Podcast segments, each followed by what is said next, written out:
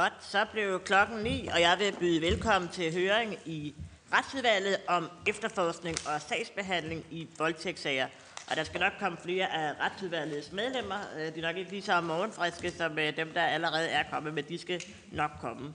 Øh, retsudvalgets formål med den her høring er at blive klogere på voldtægtssagers gang gennem systemet, det vil sige fra den første indledende undersøgelse og frem til eventuel domstolsprøvelse.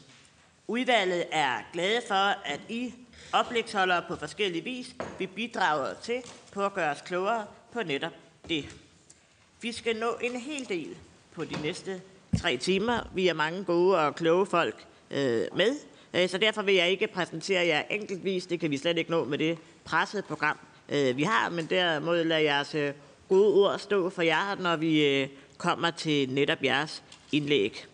Inden vi øh, går i gang, vil jeg nævne, at der grundet covid-19-situationen, og det er jo sådan en sætning, man er vant til at sige efterhånden hele tiden, øh, er meget få tilhørerpladser, men derimod så kan høringen nu følges øh, både live og på forskudt tv-transmission på Folketingets hjemmeside. Så der er fuld mulighed for at følge med i alt, hvad der bliver sagt under høringen, ligesom medlemmer af Folketingets retsudvalg kan følge med på Teams.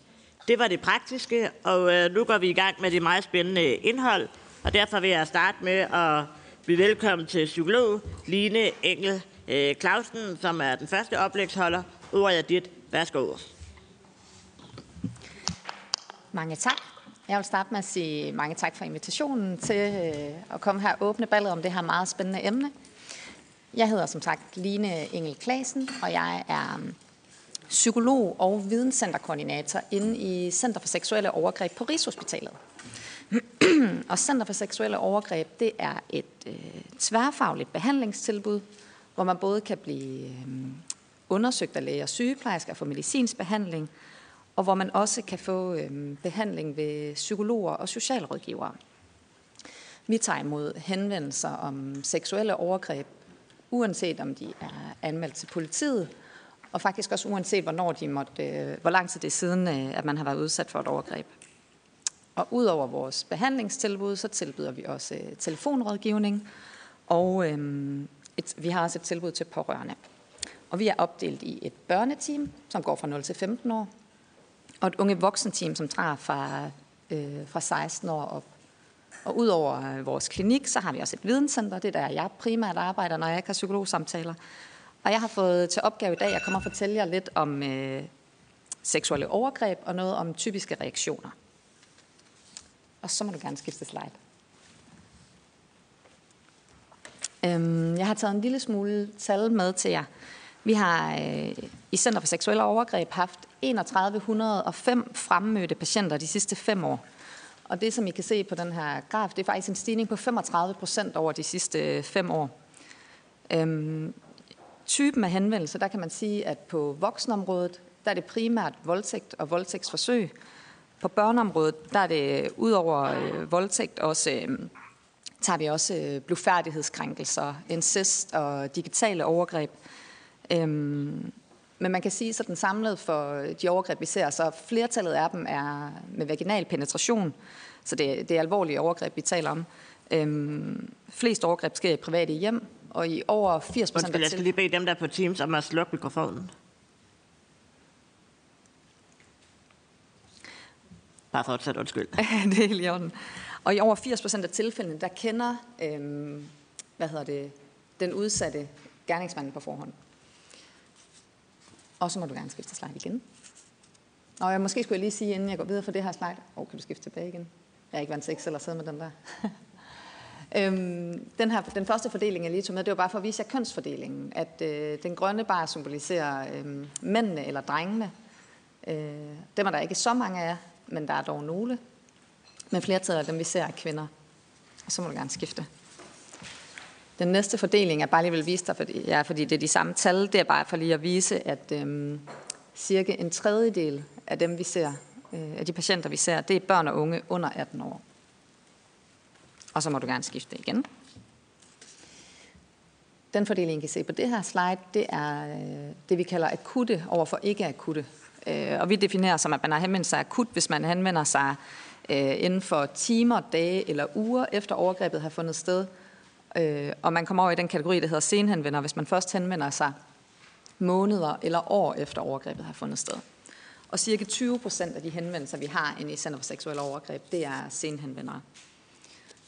Så må du gerne trykke en gang mere. Yes. Samlet set på børn, unge og... Det var lige en gang for meget. Ja. Samlet set på børn, unge og voksenområdet, der er der 53,1 procent øh, over de sidste fem år, der har anmeldt overgrebet til politiet. Øhm, så må du gerne skifte igen. Vi spørger faktisk lidt ind til grundene til ikke at anmelde. Øhm, jeg har taget nogle af, nogle af grundene med her. Det giver ikke 100% i alt, fordi man kan godt angive flere grunde. Men øhm, den første, skift. Mange anmelder ikke overgrebet, fordi de oplever faktisk lidt, at det var deres egen skyld. De føler, at de ikke har gjort nok modstand. De føler, det kan jeg ikke gå til politiet og anmelde, når jeg nu selv var gået med ham hjem fra byen. Øhm, så det er der rigtig mange, der, der slås med og, og har det som argument for ikke at ville anmelde til politiet. Så er der også mange, der beskriver, at de anmeldte det ikke til politiet, fordi de var usikre på hændelsesforløbet. Det kan være, at de har øh, helt eller delvis hukommelsestab for nogle på grund af stort alkoholindtag. Og den næste, øhm, rigtig mange anmelder ikke på grund af frygt for sociale konsekvenser.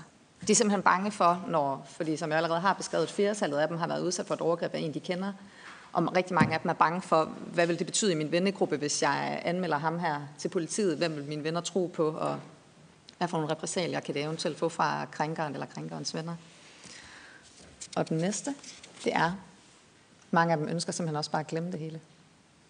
Og så de sidste to, som måske godt kan komme op på en gang, der er en noget lavere procentdel, men der er også nogle enkelte, som siger, øh, de anmelder ikke, fordi de har tidligere negative erfaringer med politiet, eller den sidste, at de øh, har manglende tillid til retssystemet. Yes, og så må du godt gå videre til det næste slide. Jeg har også taget et øh, slide med om øh, relationen til krænkeren. Øhm, både fordi det er stor betydning for anmeldelsesprocenten om krænkeren, at man kender på forhånd, og hvor tæt et forhold man har til krænkeren. Vi kan se, at der er signifikant færre, der anmelder et overgreb begået af en, de kender, end et overgreb fra en ukendt gerningsmand. Øhm, derudover så har relationen til krænkeren også stor betydning for øh, reaktionerne, man har på overgrebet og, øh, og på den psykologiske behandling. Som I kan se på det her slide, så er cirka 35 procent har været udsat for et overgreb af en ven eller en bekendt. Øhm, lige omkring 20 procent har været udsat for et overgreb af en, de har kendt i under 24 timer. Det vil ofte være en, man har mødt, hvor man fx har været i byen eller til fest eller noget af den stil. 18 procent har været udsat for et overgreb fra en helt ukendt gerningsmand, og 8 procent har været udsat for et overgreb fra et familiemedlem. Øhm, og de sidste kategorier, det er øh, partner eller autoritetsforhold, altså for eksempel en chef eller en øh, fodboldtræner. Og så er der selvfølgelig også nogle få, vi har, hvor det ikke er oplyst. Øhm, men når man er udsat for et, overgreb, for et seksuelt overgreb fra en, man har en relation til, og man, en, man stoler på, så det er samtidig et øh, enormt tillidsbrud øh, og svigt. Og det kan for mange af dem, vi ser inde i Center for Seksuelle Overgreb, betyde, at, øh, at de faktisk får svært ved at stole på andre mennesker. Og de kan få svært ved at stole på deres egne evne til at kunne vurdere andre mennesker. Fordi man tænker, når en, jeg troede var måske min bedste ven, kunne udsætte mig for et overgreb, hvordan kan jeg så overhovedet øh, vide, om de mennesker, der er omkring mig, de er ok? Øhm, og derfor så kan man, øh, nogle af dem, der kommer ind hos os, beskriver, at de kan føle sig utroligt dumme bagefter faktisk, fordi de har været udsat for et overgreb fra en, de kendte. Og det gør til, at de oplever en hel masse skyldfølelse og selvbebrejdelse. Og det er, det er nogle af de reaktioner, vi ser rigtig meget hos de patienter, der kommer i Center for Seksuel Overgreb. Og nu vil jeg gå lidt over til at fortælle lidt om lige præcis de reaktioner. Øhm, fordi jeg tænker, at hvis vi skal hjælpe mennesker udsat for overgreb, så er det rigtig vigtigt, at vi forstår deres reaktioner. Øhm, og nu har jeg lidt, øh, jeg har valgt at forklare det lidt ud fra både noget neurobiologi, men også lidt noget med at sætte op med, hvilke forventninger er det, samfundet ofte har til, hvordan sådan det perfekte offer skal reagere, kontra hvordan ser vi, at virkelige offer de reagerer, både når de er udsat for et seksuelt overgreb og efterfølgende. Man kan sige, at øh, hvis man taler om sådan det perfekte offer, så kan man sige, så forventer mange nok, at man vil øh, sparke og slå og blive ved med at sige nej, eller man vil løbe, og man vil kæmpe. Jeg ved i hvert fald, det er den opfattelse, mange af dem, der sidder inde hos os, havde af, hvordan de troede, de ville reagere, når de blev udsat for et overgreb. Øh, men i realiteten så er man faktisk ikke selv herre over, hvordan man reagerer. Jeg har taget det her slide med, som viser, øh, som viser øh, hjernen for at beskrive, at det, der sker, det er faktisk en helt instinktiv, automatisk reaktion, hvor man ikke selv vælger, om kroppen den går med enten kamp, flugt eller frys. Øh, der er ligesom noget, nogle funktioner i frontallapperne, det orange område forrest, øh, de lukker simpelthen ned. Det er nogle af dem, vi normalt bruger til at træffe øh, beslutninger med. Og i stedet for, så er der noget mere øh, primitivt i hjernen, der tager over. Øhm, og det er der, hvor, der ligesom, altså hvor kroppen går med enten det her kamp, flugt eller frys. Der er faktisk nogle svenske studier, der viser, at øh, op mod 70 procent oplever det, man kalder tonisk immobilitet, når de bliver udsat for et seksuelt overgreb. Og det er sådan en form for frys eller lammelse. Og det her med, at øhm, det er meget vigtigt at forklare, tænker jeg, både dem, der arbejder med ofre udsat for overgreb, og også øh, til dem, der, altså, der selv er ramt af det, at det ikke er noget, man selv vælger, hvordan man reagerer. Øhm, der har været et, øh, der er en amerikansk psykolog, der har lavet et studie af øhm, stressrespons hos kvinder fra 2006, som viser, at kvinder faktisk producerer, når de er udsat for stress, lavere øh, niveauer af adrenalin og testosteron end mænd. De føler mindre frygt øhm, og reagerer derfor anderledes end ved for eksempel at øh, slå og løbe. Øhm, så må du godt trykke en enkelt gang. De kalder den her øh, nye, de mener, det kan være sådan et tillæg til øh, fight, flight og freeze, at man også øh, har noget, der hedder befriend and tend.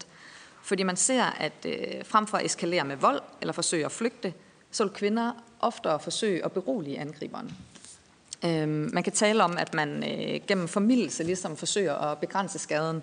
Øhm, hvis vi sådan skal blive i sådan hele den biologiske verden, så kan man sige, altså, sammen, altså man kan sammenligne det lidt med en hund, der øh, i dyrenes verden, der ruller om på ryggen for en mere aggressiv hund, i håb om, at, øh, at den her underkastelse ligesom vil dæmpe reaktionen, eller aggressionen. Øhm, og den her amerikanske psykologstudie viser også, at hvilken respons man ender med, om det er fight, flight og freeze, eller befriend and tend, det afhænger af hormonsammensætningen på det givende tidspunkt. Så må du gerne trykke igen. Øhm, hvis vi skal tilbage til det her udtryk med det med det perfekte offer, så kan man sige, at øh, de fleste af os øh, tænker nok også om det perfekte offer, at øh, han eller hun går direkte til politiet, og ikke i skoledagen efter, eller i byen weekenden efter med sine veninder. Øhm, men i realiteten så er rigtig mange i chok, når de har været udsat for et seksuelt overgreb. Øhm, mange af dem forsøger at glemme, hvad det er, de har været udsat for.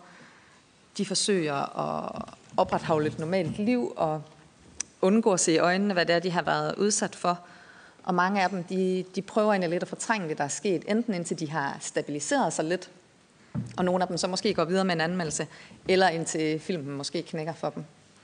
Øhm, man kan sige, når det perfekte offer, hun så anmelder hos politiet, så, øhm, så vil hun også kunne gengive et præcist hændelsesforløb og signalement, og fortælle den samme historie jo et hver gang hun bliver afhørt. Øh, der ser virkeligheden også for rigtig mange anderledes ud, fordi i virkeligheden så er ens hukommelse, at man har været udsat for et seksuelt overgreb, usammenhængende. Den kan være præget af dissociation og flashbacks, som jeg vil fortælle lidt mere om senere.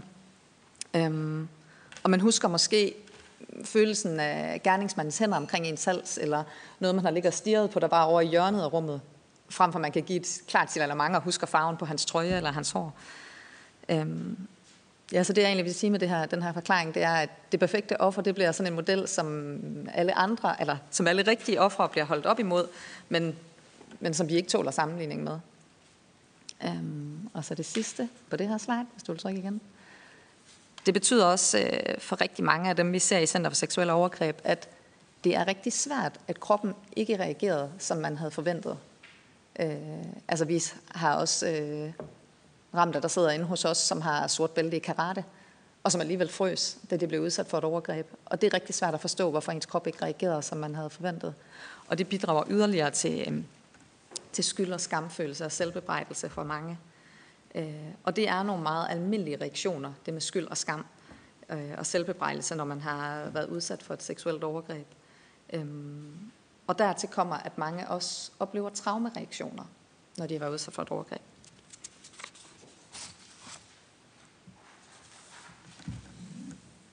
Øhm, de traumereaktioner, jeg har listet op her, det er dissociation som det første, og der, der er ret mange, der oplever, når de har været udsat for et overgreb, at de, Øh, nogle af dem beskriver simpelthen, jeg fløj nærmest op og sad øh, oppe i hjørnet af loftet og kiggede ned på, hvad der skete med min krop. Og det er sådan en forsvarsmekanisme, hvor man ligesom altså sådan træder helt ud af sin egen krop under overgrebet.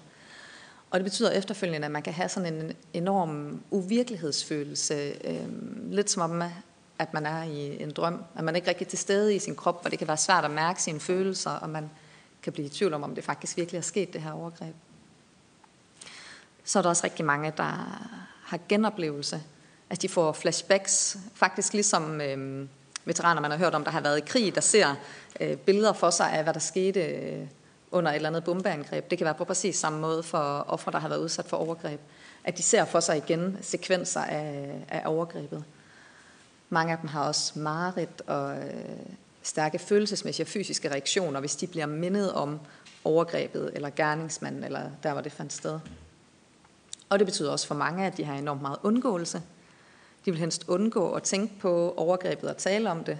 Det er jo også en god grund, så man ikke har lyst til at gå til politiet, hvor man ved, at man ligesom skal igennem hele, øh, hele overgrebet igen.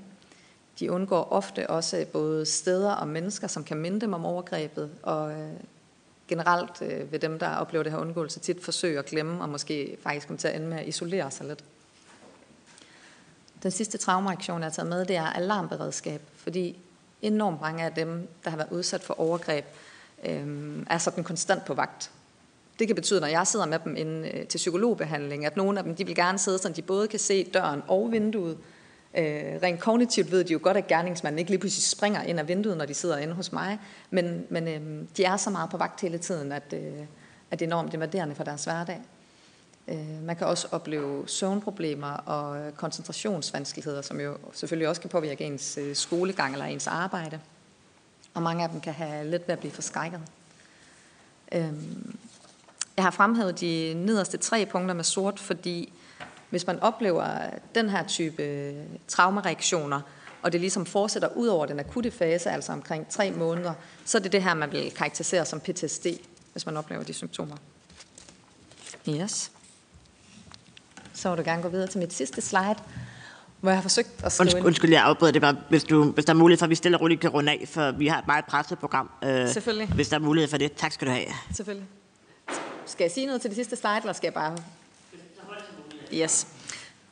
Så vil jeg bare lige nævne to punkter, og det er, at øh, jeg tænker, noget af det, vi bedst hjælper, det er ved at have en forståelse for, og en viden om de her, hvordan man reagerer på overgreb, øh, og se den adfærd i lyset, øh, altså se offrets adfærd i lyset af det, når de henvender sig i systemet.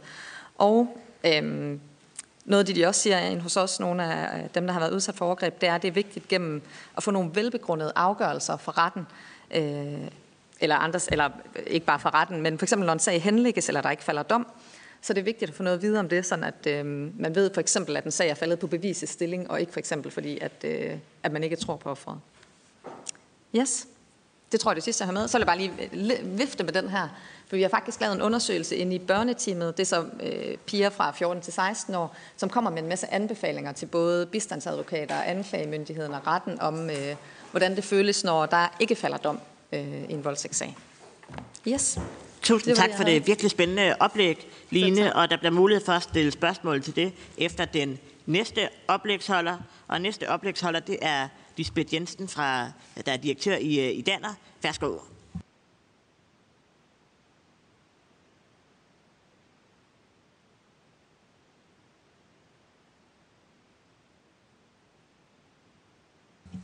Sådan.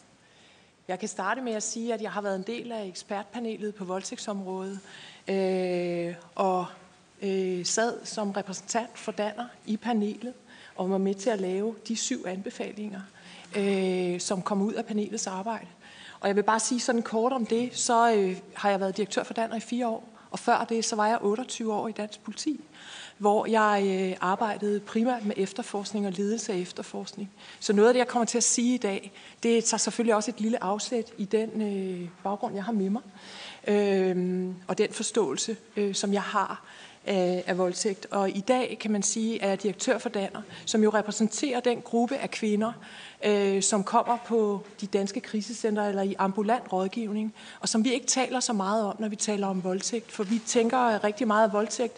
Det er der, hvor man er på vej hjem fra byen med stiletterne i hånden klokken 4 om morgenen, og så bliver man revet ind bag en container af en ukendt gerningsmand.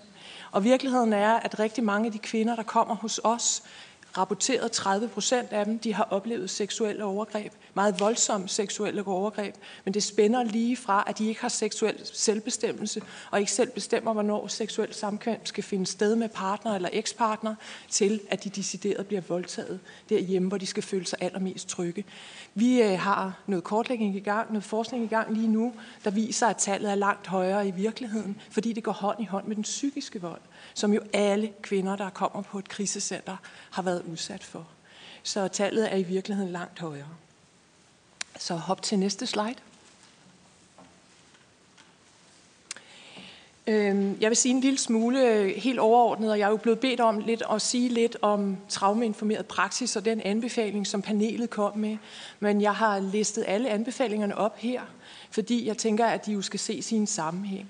Først og fremmest så anbefalede øh, panelet på voldtægtsområdet, øh, at der var en langt større viden om traumer, og at der blev udfærdiget et katalog, der kunne øh, hjælpe politi og anklagemyndighed øh, med at kigge på, hvor bredt spændet af vanlige traumereaktioner egentlig er. Så blev det også anbefalet, øh, at der blev lavet minimum sagsbehandlingsskridt i alle sager om voldtægt og seksuelle overgreb. Og det er selvfølgelig for at sikre, at der ikke er sager, der bliver afgjort, øh, for eksempel bliver sluttet, før at man har afhørt centrale vidner, eller man har fået sporundersøgt øh, der, hvor der eventuelt kan findes beviser for en alvorlig forbrydelse. Øh, så øh, anbefalede panelet, at øh, man videoafhørte i langt højere grad, og at man åbnede for, at man kan videoafhøre, ligesom man gør med børn, kvinder, der har været udsat for overgreb. Og det handler jo om både at give dem en mulighed for og, øh, at kunne give en forklaring, hvor mange nuancer kommer med, og ikke bliver oversat af en afhører, der sidder og skriver det ned, men hvor man faktisk får mulighed for at kigge på forklaringen i retten, og kigge på, øh, og så kan man jo også derigennem skåne kvinden for det, som er de gentagende afhøringer hos politiet, øh, hvis man har en øh, grundig afhøring på video i den indledende fase. Så øh, er det, jeg skal sige lidt mere om, Altså, hvordan kan man indrette traumeinformeret praksis? Alt her spørgsmålet om, at det er både den måde, vi har vores egen adfærd på. Øh, man arbejder jo meget med det på hospitaler og i psykiatrien. Øh, men nej, du skal lige hoppe tilbage. Det var lidt for hurtigt. øh, men at det handler om, at øh, man i virkeligheden øh, tager afsæt i, hvad er det for nogle... Øh, nogle måder, vi indretter vores bygninger på. Hvordan er det, man modtager ofre? Hvordan er det, at man taler med dem i den første afhøring? Og der mener vi jo helt klart, at man skal prøve at kigge på nogle af de erfaringer, der er i andre lande. Det kommer jeg lidt tilbage til. Så anbefalede panelet, at øh, samtykke det skulle på skemaet. Altså at øh, seksualundervisning skulle indeholde snakken om krop, grænser og køn øh, sådan så man kunne sikre sig, at man kunne lave noget tidlig forebyggelse hos de unge mennesker, øh, som, som jo er i vores folkeskoler. Så øh, foreslog panelet en øh, oplysningskampagne i ligestillingsafdelingen om sprog og samtykke. Og øh, det ved jeg øh, positivt, den er i gang lige nu, øh, og skal jo hjælpe med at skabe en mere offentlig og bred forståelse af, øh, hvad handler øh, den nye lovgivning om, øh, forhåbentlig nye lovgivning om, og, øh, og skal være med til også at aflive nogle af de stereotyper, der er i vores sprog omkring øh, seksuelle overgreb. Og så sidst, men ikke mindst, og det tror jeg Helle kommer til at sige lidt om mere øh, senere, det her med at styrke bistandsadvokaternes rolle, ser vi som et meget vigtigt element. Og jeg kan jo sige, at nu må du gerne skifte. Jeg havde den meget store fornøjelse at sidde i det her ekspertpanel sammen med jo dygtige mennesker fra Amnesty og advokater og forskere, politiet og statsadvokaten. Og det var et øh, meget konstruktivt panel, og jeg tænker, at det var et modigt og godt valg af den forrige justitsminister at give panelet frie rammer til at drøfte, hvad der kunne løfte området. Fordi lovgivningen kan ikke stå alene. Og øh, derigennem jo også den generelle efterforskning i sager, hvor der er møder med en sårbar forurettet. Vi inddrog i vores arbejde feltet bredt, Danner og Amnesty de faciliterede for eksempel en daglang workshop med repræsentanter for store og små organisationer, øh, voldtægtsoverlevere, dommerforeningen, erstatningsnævnet, politi, advokater, bare for at nævne nogle af dem. På baggrund af det arbejde, så fremkom de her syv vigtige anbefalinger. I forbindelse med panelets arbejde, så har vi gennemlæst mange domme. I mange af dommene er der subjektive betragtninger, hvor et offer for voldtægt og hendes adfærd, så at sige, bedømmes. Om hendes reaktioner passer med egen oplevelsen af, hvordan et rigtigt voldtægtsoffer bør reagere. Det var det, Line lige talte om. Det er jo den samme samfundsdiskurs, man også kan se på de sociale medier, hvor konkrete sager kan blive forvandlet til en folkedomstol, hvor mennesker, der ikke ved noget om traumer og reaktioner, bedømmer og vurderer offerets handlinger. Det øh, er hårdt, særligt når man ved bedre, eksempelvis hvorfor et offer ofte bliver hos den mand, der har voldtaget hende efter overgrebet, eller hvorfor hun går tilbage til festen eller ud i gerningsmandens køkken og laver kaffe. Det er alle konkrete eksempler fra sager, og de er ikke usædvanlige. Vi har bare en helt anden offerforståelse, hvor vi forventer, at offer græder og krakelerer. Det gør hun også, men måske på en helt anden måde, end vi forventer. Vi havde mange drøftelser i panelet, og mange af dem koncentrerede sig om traumer, de stereotype forestillinger om traumer, men også om at indhente erfaringer fra andre lande om, hvordan man arbejdede og indrettede afhøringssituationen og retten, så de i højere grad end det er tilfældet i dag i Danmark, til gode ser hensynet til, at det jo er et traumatiseret offer for en forbrydelse, der skal behandles nænsomt og værdigt, og skal mødes med viden og gives de bedste betingelser for at kunne forklare sig trygt og roligt. Og vores anbefaling er, at politiet skal arbejde traumainformeret og lade sig inspirere af viden om, hvad man gør i andre landes politi, men også herhjemme. For eksempel på de hospitaler i psykiatrien, der arbejder og indretter sig traumainformeret. Lad mig give et par eksempler på, hvor man for eksempel kunne slå ned, både i forhold til de fysiske rammer og i forhold til selve afhøringssituationen. I mange retssale er der et fælles venterum for vidner. Vidner, det er jo både voldtægtsoffret, der jo er vidne i sin egen sag, men det er også den tiltaltes venner. Ofte er der bænke uden for retslokalet, hvor en kvinde, medmindre der er en super god bistandsadvokat, skal gå spidsrod fordi, forbi vennerne til den tiltalte. Jeg har set det mange gange. Det, det er hverken værdigt eller ordentligt, eller tager hensyn til viden om, hvad et traumatiseret offer har brug for. Det bør der tages hensyn til, når man indretter de fysiske rammer. Et andet eksempel er politistationen, hvor man står udenfor og skal ringe på en klokke, og i samtaleanlægget forkynde sit ærne. Det kunne være på Halmtorvet her i København. Har tænkt på sikkerhed og forebyggelse af terror, og derfor er døren låst. Det er også vigtigt.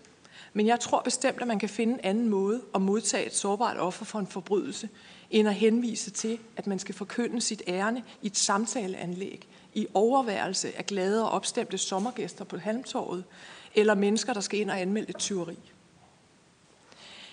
Og når man så sætter sig i en stol i et kontorlandskab med en åben dør ud til gangen, hvordan tror I så, det virker på en kvinde, der har taget modet til sig, for overhovedet at henvende sig, og som har det rigtig dårligt? Eller når man ringer i dag, får fat i politiets servicecenter, og hvis man er uheldig, kommer man til at forklare sin historie flere gange. Lad mig give et par eksempler på, hvordan viden om traumer og en tilgang baseret på den viden kan skabe tillid, både til retssystemet, politiet, og hvordan det kan skabe ro omkring afhøringssituationen. Jeg var sammen med vores erfarne psykolog i Danner, Sine, indkaldt til møde ved Rigsadvokaten, da der skulle laves retningslinjer omkring psykisk vold. Sine bød ind på mange planer med viden om traumereaktioner, og hvordan man bedst skaber tryghed om for eksempel en vanskelig afhøringssituation. Efter mødet talte jeg med en af mødedeltagerne. Den pågældende havde hæftet sig ved, at det var helt grundlæggende små ting, som kunne skabe en langt bedre afhøring. Han var optaget af Sines ord om modtagelsen af et offer og den første kontakt, hvor hun eksempelvis foreslog at spørge, sidder du godt? Fryser du? Har du brug for et tæppe? Har du brug for noget at spise eller drikke, inden vi går i gang? Er der noget, du har brug for at sige eller gøre, før vi starter? Det, der skal ske nu, er og så videre, og så videre. Det er jo ikke raketvidenskab, men det er gode eksempler på, hvordan man kan skabe tryghed og rumme kvindens traumer og reaktioner. En god ven i anklagemyndigheden gjorde mig forleden opmærksom på en ny dom fra landsretten i en voldtægtssag. Og her er et kort citat fra dommen. Forurettet har også over for landsretten forklaret troværdigt og sammenhængende. Hun har fremstået som tydelig præget af hændelsen. Hendes undladelse af straks at anmelde tiltalte for voldtægt. At hun overlod det til sin far at anmelde. Og hendes venlige sms-svar på tiltaltes sms-svar øh, på et tiltaltes sms om aftenen den XX oktober 2019 må anses for ikke usædvanlige reaktioner hos et voldtægtsoffer, og herunder som begrundet i den frygt for tiltalte, som hun har forklaret om. Herefter og af de grunde, som byretten har anført, finder landsretten det bevist, at tiltalte har voldtaget forurettet i det omfang, som byretten har fastslået, og herunder at tiltalte har fortsat hertil. Her er retten jo klart sporet ind på, at hendes reaktioner ikke er usædvanlige for et voldtægtsoffer, og det er begrundet i den frygt, hun følte.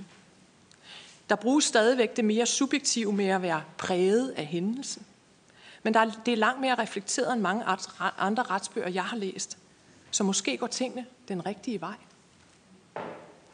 Jeg vil slutte her, øh, men vores håb er, at politiet både vil tænke og inddrage viden om traumer, når de indretter politiet og retterne, samt i afhøringssituationen, og tænke over, hvordan, der i deres egen, hvordan deres egen fremtoning kan virke beroligende.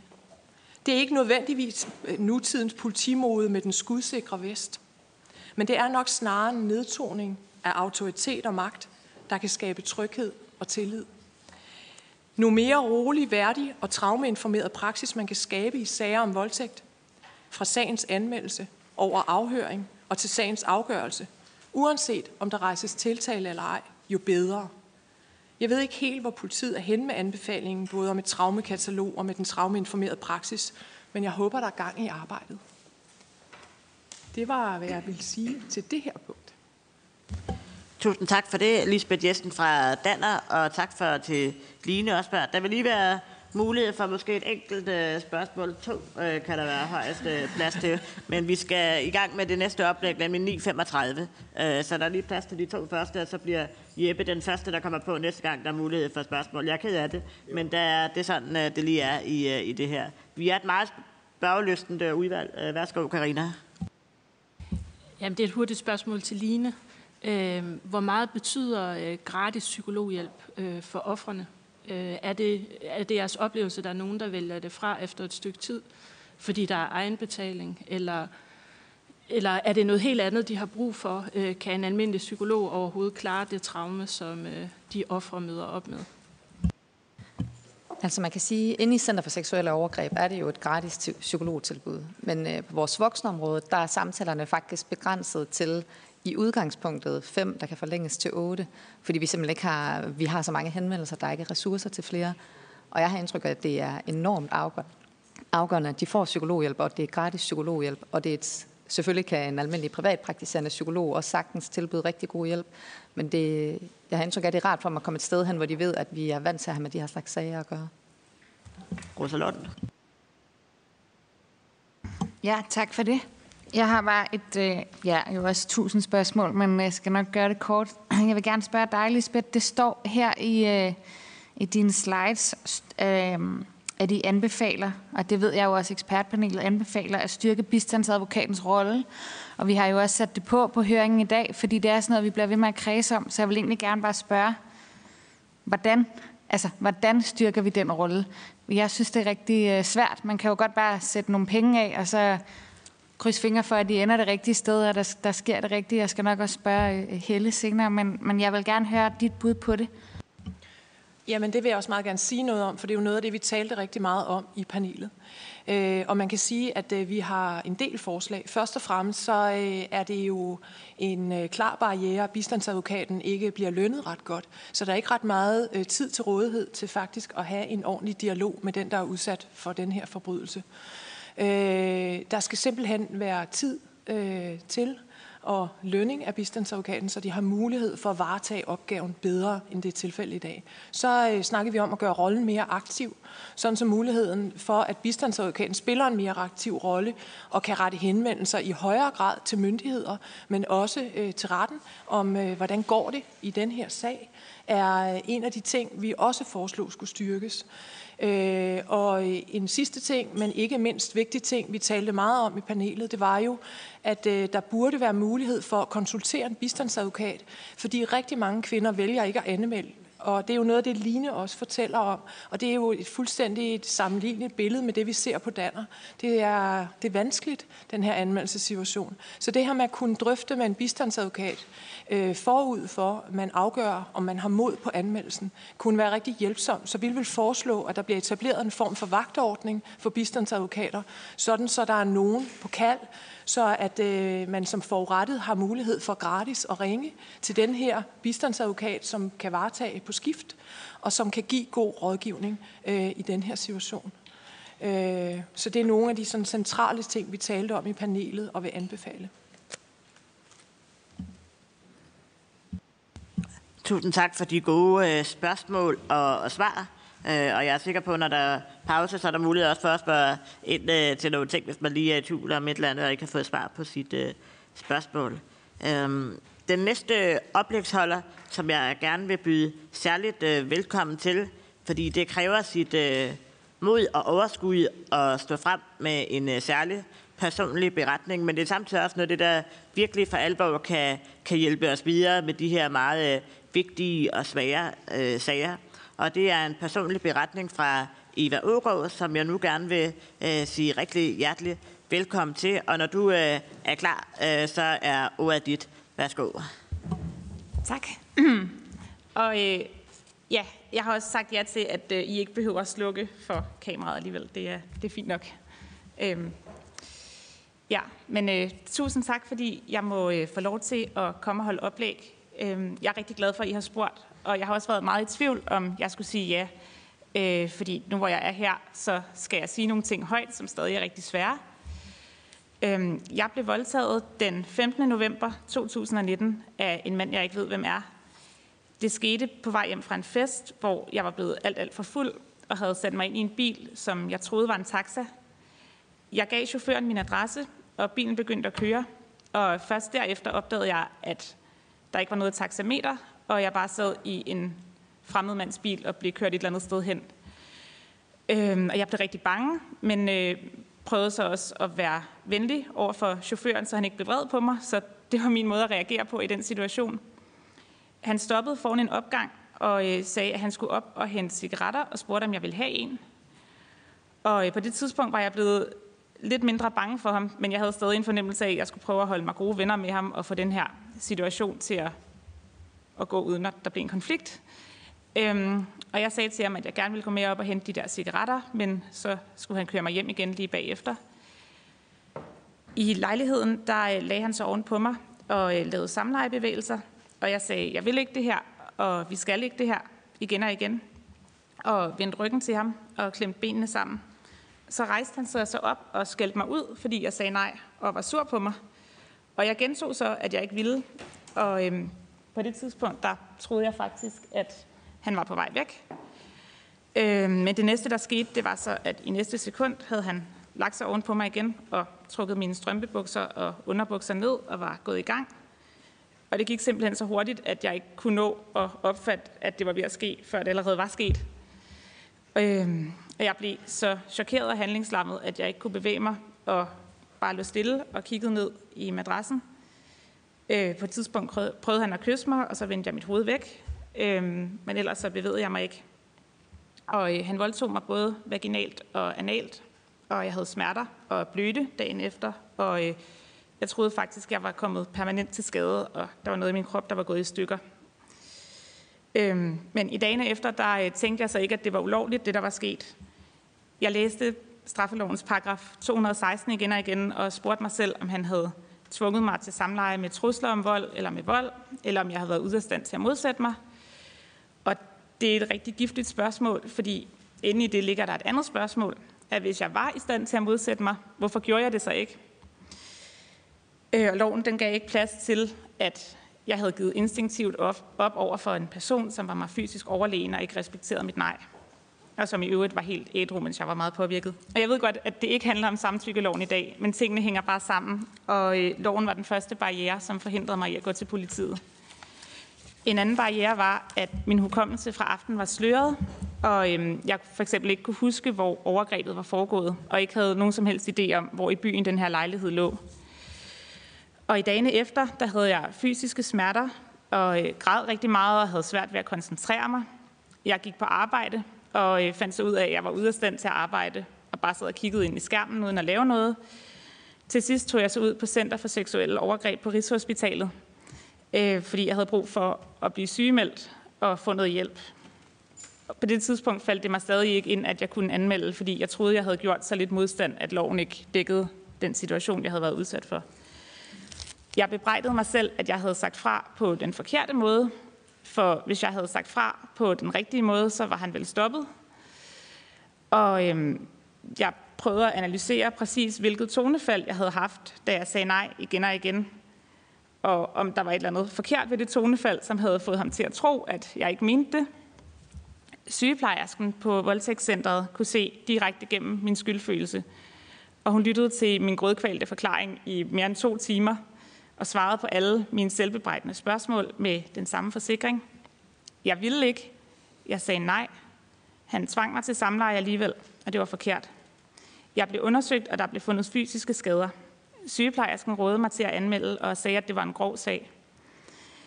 Der er mange spørgsmål, når man anmelder, og mange gode grunde til at lade være. Er gerningsmanden farlig? Vil han true mig og min familie? Er der beviser? Hvis han bliver frikendt, eller hvis sagen aldrig ender i retten, vil folk så tro, at det var mig, der løj? Kan jeg klare processen? Kan jeg stå i en retssal og svare på spørgsmål om mit sexliv og min påklædning, uden at gå helt ned bagefter og få en depression? Og kan jeg tage vare på mine børn og passe mit arbejde, mens den her proces er i gang?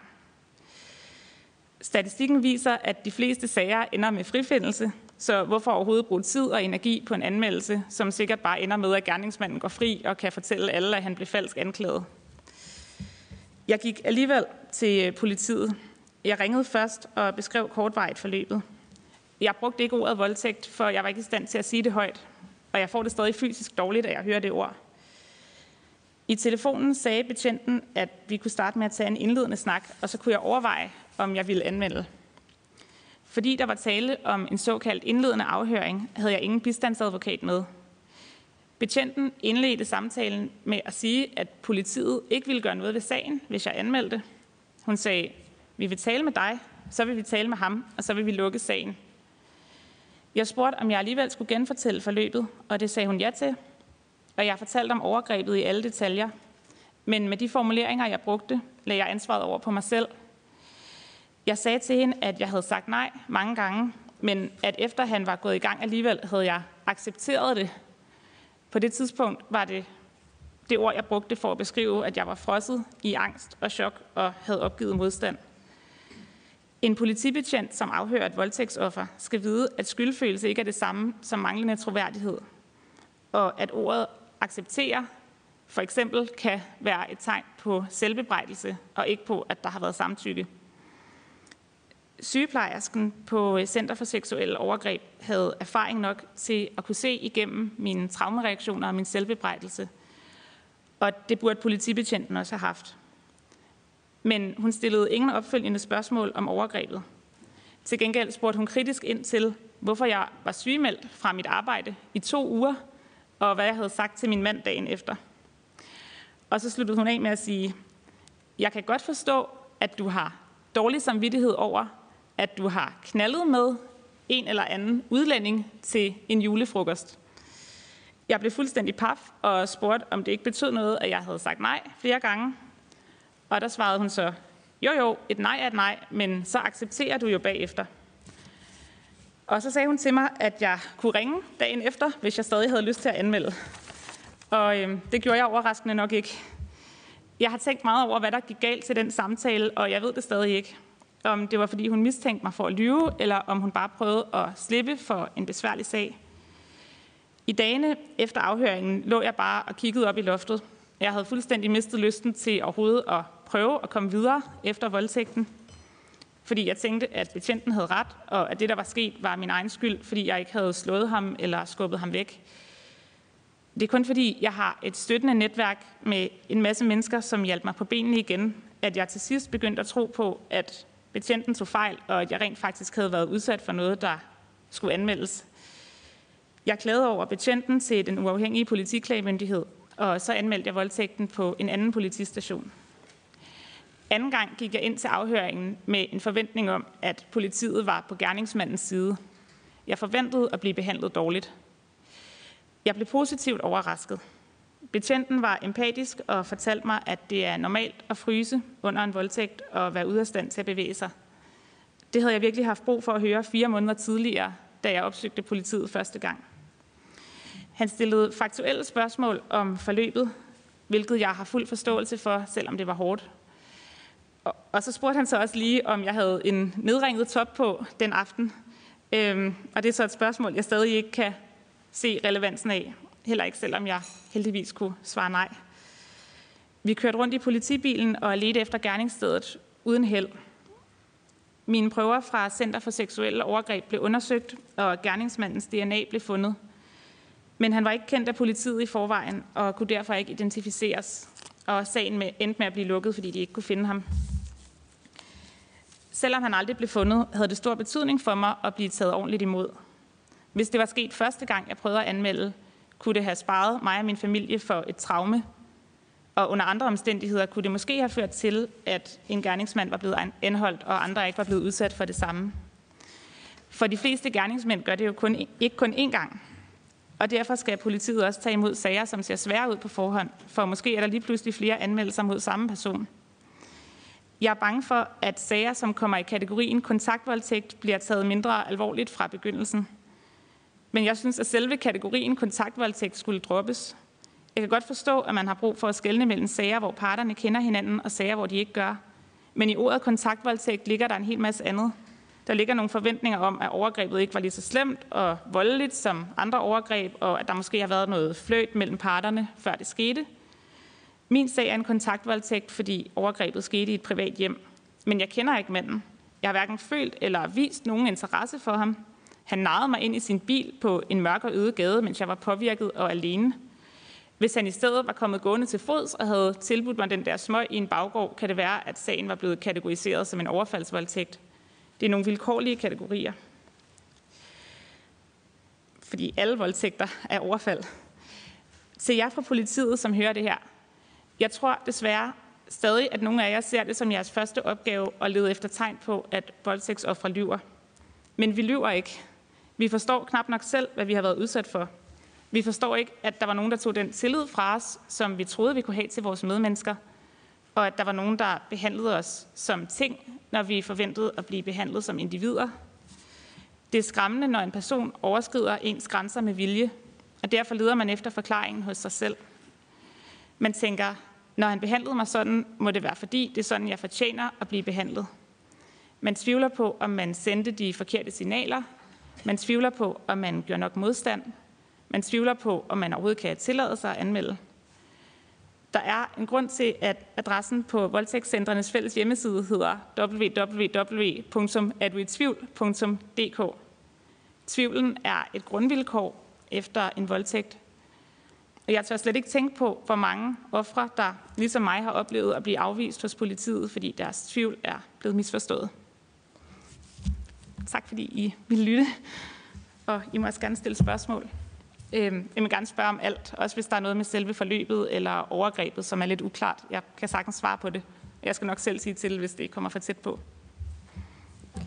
Tusind tak for dit uh, modige, bevægende og stærke overskud til at ville dele øh, den oplevelse med øh, retsudvalget, og ikke mindst en vilje til, at øh, den historie i hvert fald ikke skal være forgæves, men at det virkelig er noget, der skal sætte sig i, øh, i fremtidige oplevelser, sådan så vi, vi for alvor får gjort øh, noget. For det er jo tydeligt at høre, ud fra det, du beskriver, at der foregår nogle helt uacceptable møder med, med systemet. Så tusind tak øh, for, at du vil dele det med, med, med retsudvalget så, har jeg, så er der mulighed for spørgsmål indtil cirka 9.57, for der er vi nogen, der skal ned og stemme nemlig, så vil der være en lille pause, øh, og så genoptager vi øh, selve høringen. Men der er mulighed for spørgsmål, og indtil videre har jeg Jeppe på.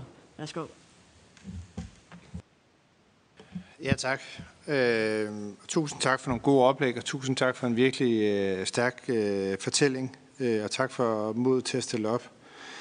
Øh, jeg vil lige gerne ændre mit spørgsmål lidt i det sidste af det, du er inde på, Eva, fordi øh, jeg tror også, det var for det første det her med, hvordan bidrager man ikke til skyldfølelse og selvbebrejdelse. Øh, og det, det er jeg egentlig tænkt meget over, hvordan, altså når man er udsat for et overfald og for en voldtægt, så kan jeg godt forstå, at man tænker, hele verden og tænke noget om en. Og så hvordan hjælper vi kulturelt? Jeg har lidt svært ved at måske mærke det også politisk, men er der nogle greb, vi kan tage fat i for at anerkende og prøve at lindre det billede af, at alle andre syn på en må være, have forandret sig? Fordi sagen er jo faktisk, at man jo altså, får et meget positivt syn på folk, der tør stille sig frem. Øh, og det gør ikke en svag, tværtimod så gør det en stærk. Øh, og det er jo det, der er behov for. Men jeg kan levende forestille mig det omvendte situation. Øh, så, så det kunne jeg egentlig godt tænke mig at prøve at høre nogle bud på. Altså er der nogle ting, vi kan tage fat i? Så er der alt det andet, som er det faglige, som er super relevant øh, og spændende at arbejde med. Og jeg møder heldigvis, skal jeg sige, som retsordfører, øh, faktisk en enorm velvilje fra politiets side, fra anklagemyndigheden. Altså jeg møder ikke nogen, der ikke er optaget af, at det her det skal gøres bedre. Og så tror jeg, at opgaven for os alle sammen er jo for det til så også at virke helt ned til den enkelte fysiske indretning og anmeldelsessituation osv. Øh, men, men jeg synes, det arbejde, som, som den daværende justitsminister satte i gang, var virkelig, virkelig godt. Øh, stor fornøjelse af at have fået alle de anbefalinger. Øh, oplever en bred vilje til at gøre noget og få det til at virke. Men, men mere måske det første spørgsmål. Har vi lige Karina Lorentzen på os. Jeg skal bede om de næste spørgsmål bliver en lille smule kortere. Værsgo. Jamen, det kan gøres meget kort, fordi jeg er sådan lidt nysgerrig på, hvordan du som offer er kommet videre, fordi du får jo ikke sat punktum for din sag, fordi man ikke kan finde gerningsmanden. Det er bare for at blive lidt nysgerrig på, hvad, hvad er det, vi måske kan gøre i en eller anden helingsproces for de ofre, som måske aldrig vil finde deres gerningsmand? Øhm, ja, skal jeg tage det sidste spørgsmål først, og så det med, med skyldfølelse og alt det der bagefter? Øhm, det er fuldstændig op til dig, hvad du ja, synes. Det, det kan jeg lige starte med det sidste. Øh, jo, jamen, det er da klart, at det føles rigtig uafklaret, at jeg måske aldrig finder ud af, hvem den her mand er. Øhm, og jeg, ja, det ved jeg ikke, jeg er sådan stadig bange for at se ham på gaden nogle gange, og jeg er ikke sikker på, om jeg vil kunne genkende ham. Men øh, ja, øh, hvad gør man for at komme videre? Øh, jeg ved ikke, psykologhjælp. Øh, altså jeg er rigtig, jeg er privilegeret menneske med et vellønnet job og en sundhedsforsikring og øh, alt muligt. Altså jeg har råd til at gå til psykolog. Øh, så altså, men det, der, øh, det er jo ikke alle, der har det. Så det er også rigtig ærgerligt. Øh, ja, altså lige i forhold til det der med, med skyld og skam, og hvordan man fra samfundets side ikke bidrager til den, så tror jeg, at samtykkeloven kommer til at betyde rigtig meget. For øhm, jeg ved ikke, om det er normalt at tænke så meget over lovgivning, som jeg gjorde, men det gjorde jeg altså. Ja. Øh, og var meget i tvivl om, det var ulovligt. Og hvis det ikke var ulovligt, så føltes det som om, at så måtte det være min skyld og mig, der havde gjort noget forkert. Så det var... Øh, det er i hvert fald godt, at den kommer.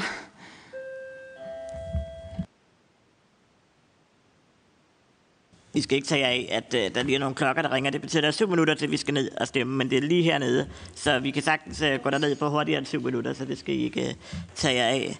Øh, jeg skal høre, om vi har andre, der lige vil spørge ind til noget her til sidst. Det synes øh, ikke at være tilfældet, så vil vi sige tusind tak øh, til den første runde af oplægsholdere her. Særligt tak til dig, Eva, for at øh, du har lyst til at stå frem med den meget personlige beretning. Det var, det var virkelig, virkelig stærkt og virkelig noget, der havde stor gavn og nytte for, for retsudvalget. Tusind, tusind tak for, for det.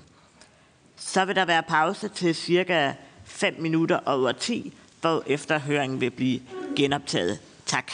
På offrets møde med Øh, myndighederne lidt i stil med det, vi, vi sluttede af med, men nu er det så myndighederne, der kommer på banen. Og øh, derfor kan jeg nævne, at justitsministeren er til stede, under denne del, som tilhører, øh, og det er derfor ikke muligt at stille spørgsmål direkte til justitsministeren. Øh, jeg giver i første omgang ordet til vicepolitidirektør Søren Ravn Nielsen. Værsgo. Tak skal du have, og tak for invitationen til at deltage i høringen her i dag. Øh, der er jo ingen tvivl om, med det indlæg, vi også lige hørte fra Eva Ågaard, at så er der, selvom der er sket rigtig meget på det her område i de senere år i politiet, så er der fortsat ting, som øh, kan forbedres, og som, som ikke er øh, håndteret øh, rigtigt. Øh, men stadigvæk så er der øh, siden de første nationale retningslinjer kom i 2016 sket rigtig meget på det her område, og det vil jeg prøve at sige lidt, lidt nærmere om. Øh, jeg er øh, vicepolitiinspektør i Sydsjælland og Lolland Falsters politikreds, hvor jeg har ansvaret for håndtering blandt andet af voldtægtssager og drabsager og øh, den genre personfarlig kriminalitet. Og så har jeg haft fornøjelsen af at være med i ekspertpanelet, som øh, Lisbeth har øh, redegjort så, så godt for, og også for de anbefalinger, som øh, ekspertpanelet kom med. Jeg vil sige lidt om, øh, hvad det er, som, øh, hvilke sager er det, vi taler om her. Og det er jo øh, sager, der kom den, det er jo sager øh, for overtrædelse af straffelovens paragraf 216, altså voldtægtsparagrafen, og så de paragrafer i straffeloven, som øh, følger af den. Altså dels øh, voldtægt ved at tiltvinge sig samleje ved vold eller trusler om vold, øh, samleje ved anden øh, form for ulovlig tvang, og så det, der i øh, gamle dage hed anden kønslig omgængelse, altså andre former for seksuel aktivitet. Det er de sager, som er indeholdt i øh, forhold til de anbefalinger, som øh, Rigspolitiet har sendt ud til politikredsene, og som øh, gerne skulle følges alle steder, øh, hvad jeg også håber, de bliver øh, i meget vidt omfang.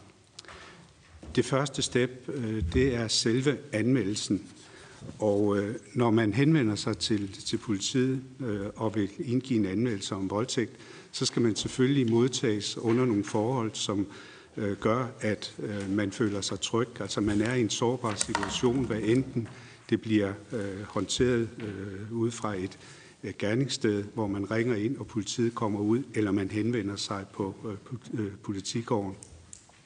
Man skal øh, afsondres fra andre aktiviteter, så man får lejlighed til at have en, en fortrolig snak øh, med den øh, politimand, som øh, skal modtage den her anmeldelse. Øh, der skal vises empati, øh, men samtidig er man også nødt til at have øh, fokus på, på retssikkerheden og retshåndhævelsen, og det kan godt være en vanskelig øvelse indimellem, men det skulle gerne være det, som, som man er uddannet til at håndtere. Den første vurdering er jo øh, omkring øh, sikring af spor. Hvis det er øh, en situation, der lige er foregået, så er der jo mulighed for at sikre øh, forskellige former for spor, blandt andet biologiske spor, som kan sikres op til syv dage. Øh, og allervigtigst er der skader, som, øh, altså synlige skader eller andre skader, som skal behandles, så kommer det jo forud for alt andet. Altså skal man indlægges øh, til behandling, så er det det, det handler om indledningsvis. Og øh, det er også øh, en opgave, som øh, politiet har at sørge for, at, at man får den korrekte behandling øh, i den situation.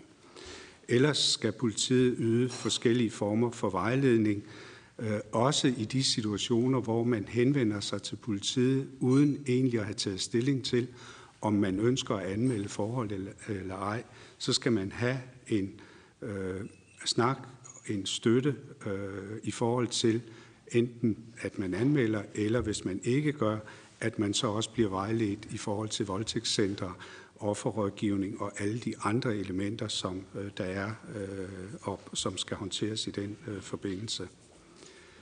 Hvis der er tale om mindreårige eller øh, forurettede med en form for funktionsnedsættelse, så kan der blive tale om, at øh, de pågældende skal øh, videoafhøres, Øh, Øh, hvis man er under 15 år, så er det en helt naturlig del af øh, processen, at man bliver øh, videoafhørt i et børnehus. Og det skal jeg nok sige lidt om lidt, lidt senere, men der kan også være kvinder eller mænd, som har en funktionsnedsættelse, som man ikke har mulighed for senere at afgive forklaring i retten, så er der i nogle særlige tilfælde mulighed for, at man også kan afhøres til, til video, så man kan afspille den video, øh, i stedet for at møde op som øh, vidne i retten. Hvis vi tager den næste planche, så er øh, vejledningsdelen, hvis vi lige gør den færdig, altså det er, er adgang til beskikkelse af bistandsadvokat, og der er det noget af det allerførste, man øh, nævner over for en forrettet, det er jo, at man ikke afhøres uden, at man har lejlighed til Selvom man ikke vil have en bistandsadvokat med til afhøringen, så har man mulighed for at tale med en bistandsadvokat i telefonen, inden man tager stilling øh, til, hvordan selve afhøringen skal øh, foregå.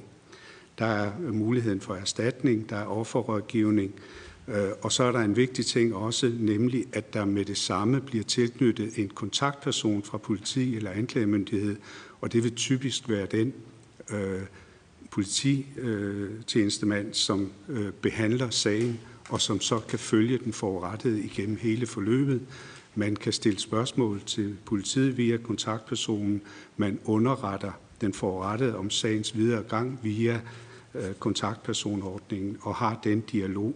Og det håber jeg meget også er noget af det, der er blevet rigtig meget bedre her i de senere år. Det er i hvert fald noget, vi arbejder rigtig meget på. Også at fortælle om Øh, eller orientere om sagens videre forløb og de muligheder og øh, forventninger, der er til, øh, til det. Øh, det næste, jeg lige vil nævne, det er øh, oprettelse og registrering af sagen. Tidligere var der nemlig en tendens til, at man gjorde det på forskellige måder. Øh, man havde forskellige former for undersøgelsesnumre osv. Det er der nu øh, rettet op på, sådan at når man henvender sig til politiet og vil anmelde en voldtægt, så bliver der med det samme lavet det, vi kalder et skarpt nummer, fordi at man også derved får en mulighed for at benchmarke på tværs af landet, øh, så man ikke har flere forskellige registreringsformer. Det er sådan mere øh, øh hvad hedder det, benchmarking-mulighed, øh, man har. Og hvis man øh, afviser anmelderen, så skal det foregå på en måde, så man med det samme kan sige, at anmeldelsen er grundløs, altså at det ikke kan have fundet sted, som det bliver angivet. Øh, og det er i meget, meget få tilfælde, at man med det samme kan afvise en anmeldelse. Ellers så skal der oprettes en sag, der skal laves de efterforskningsskridt, som jeg også vil gøre rede for efterfølgende. Og det håber jeg også, at, at det sker øh, stort set i alle sager. Øh, det næste, jeg vil sige lidt om, det er øh, efterforskningen øh, og, og bevissikringen. Øh, og jeg ved ikke, om vi får den videre. Vi skal ikke gang mere frem til det, der hedder de uopsættelige efterforskningsskridt. Og det er jo det, der sker, når man henvender sig til politiet som det allerførste at man øh, vurderer øh, den forurettede, er der behov for øh, lægehjælp her og nu, øh, eller kan man øh, tage dialogen om øh, retsmedicinsk undersøgelse, som er noget af det allervigtigste også, hvis øh, sagen den er øh, ny. Øh, og der kræver det jo et øh, samtykke fra den forurettede, og så øh, Øh, foregår det på et af de retsmedicinske institutter øh, i København øh, sammen med, med Voldtægtscenteret i Odense eller i Aarhus, som man er nødt til at acceptere og blive kørt hen til et af de tre steder for at få lavet den indledende retsmedicinske undersøgelse og få sikret de spor, som øh, kan sikres. Der er også ude i landet øh, andre voldtægtscentre på regional basis, men de bruges mere til forskellige former for øh, efterbehandling. Øh, så den indledende del, det er altid et af de tre steder. En anden ting, det er jo en sikring af det gerningssted, hvis også sagen den er akut, øh, at man får sikret de spor, der måtte være på, på gerningsstedet. Altså det kan være sengetøj, det kan være andre spor på, på øh, gerningsstedet, øh, og det kan være både indendørs og udendørs eventuelle vidner, hvis der har været vidner til overgrebet, at man får sikret øh, vidners identitet, for de kan være rigtig vigtige efterfølgende. Og ikke mindst gerningsmanden også, altså er gerningsmanden forsvundet fra stedet, har man mulighed for at, at give oplysninger, signalement, men ved måske ovenikøbet, hvem det er, eller et køretøj osv., så man hurtigt kan få sat alle de her ting i værk, sådan at man øh, hurtigt kan pågribe gerningsmanden, hvis der er mulighed øh, for det.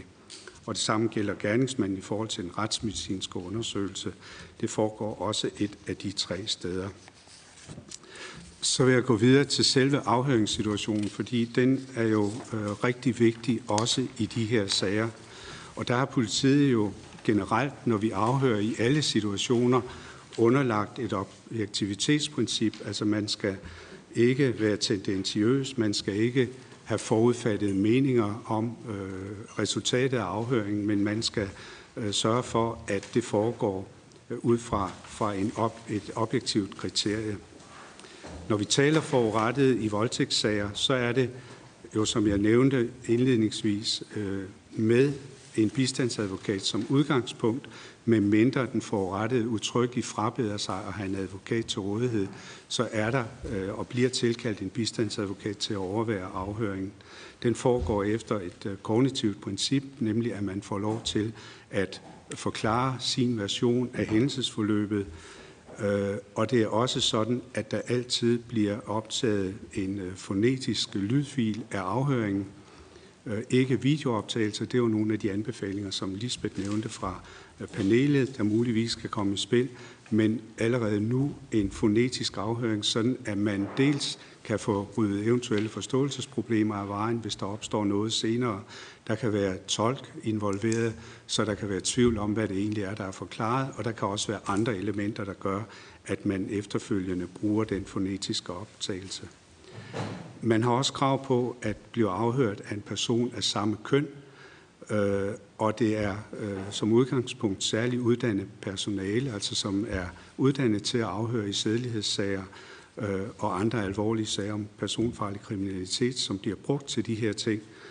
Øh, og så er der endelig, øh, har jeg skrevet, øh, vidnefritagelse, og det hænger jo sammen med, at hvis det er en af parts nærmeste, som kan være gerningsmand til det her, at så skal man vide, at man ikke har pligt til at øh, sige noget øh, i den øh, anledning. Altså der er vidnefritagelsesgrund i retsplejelovens paragraf 171.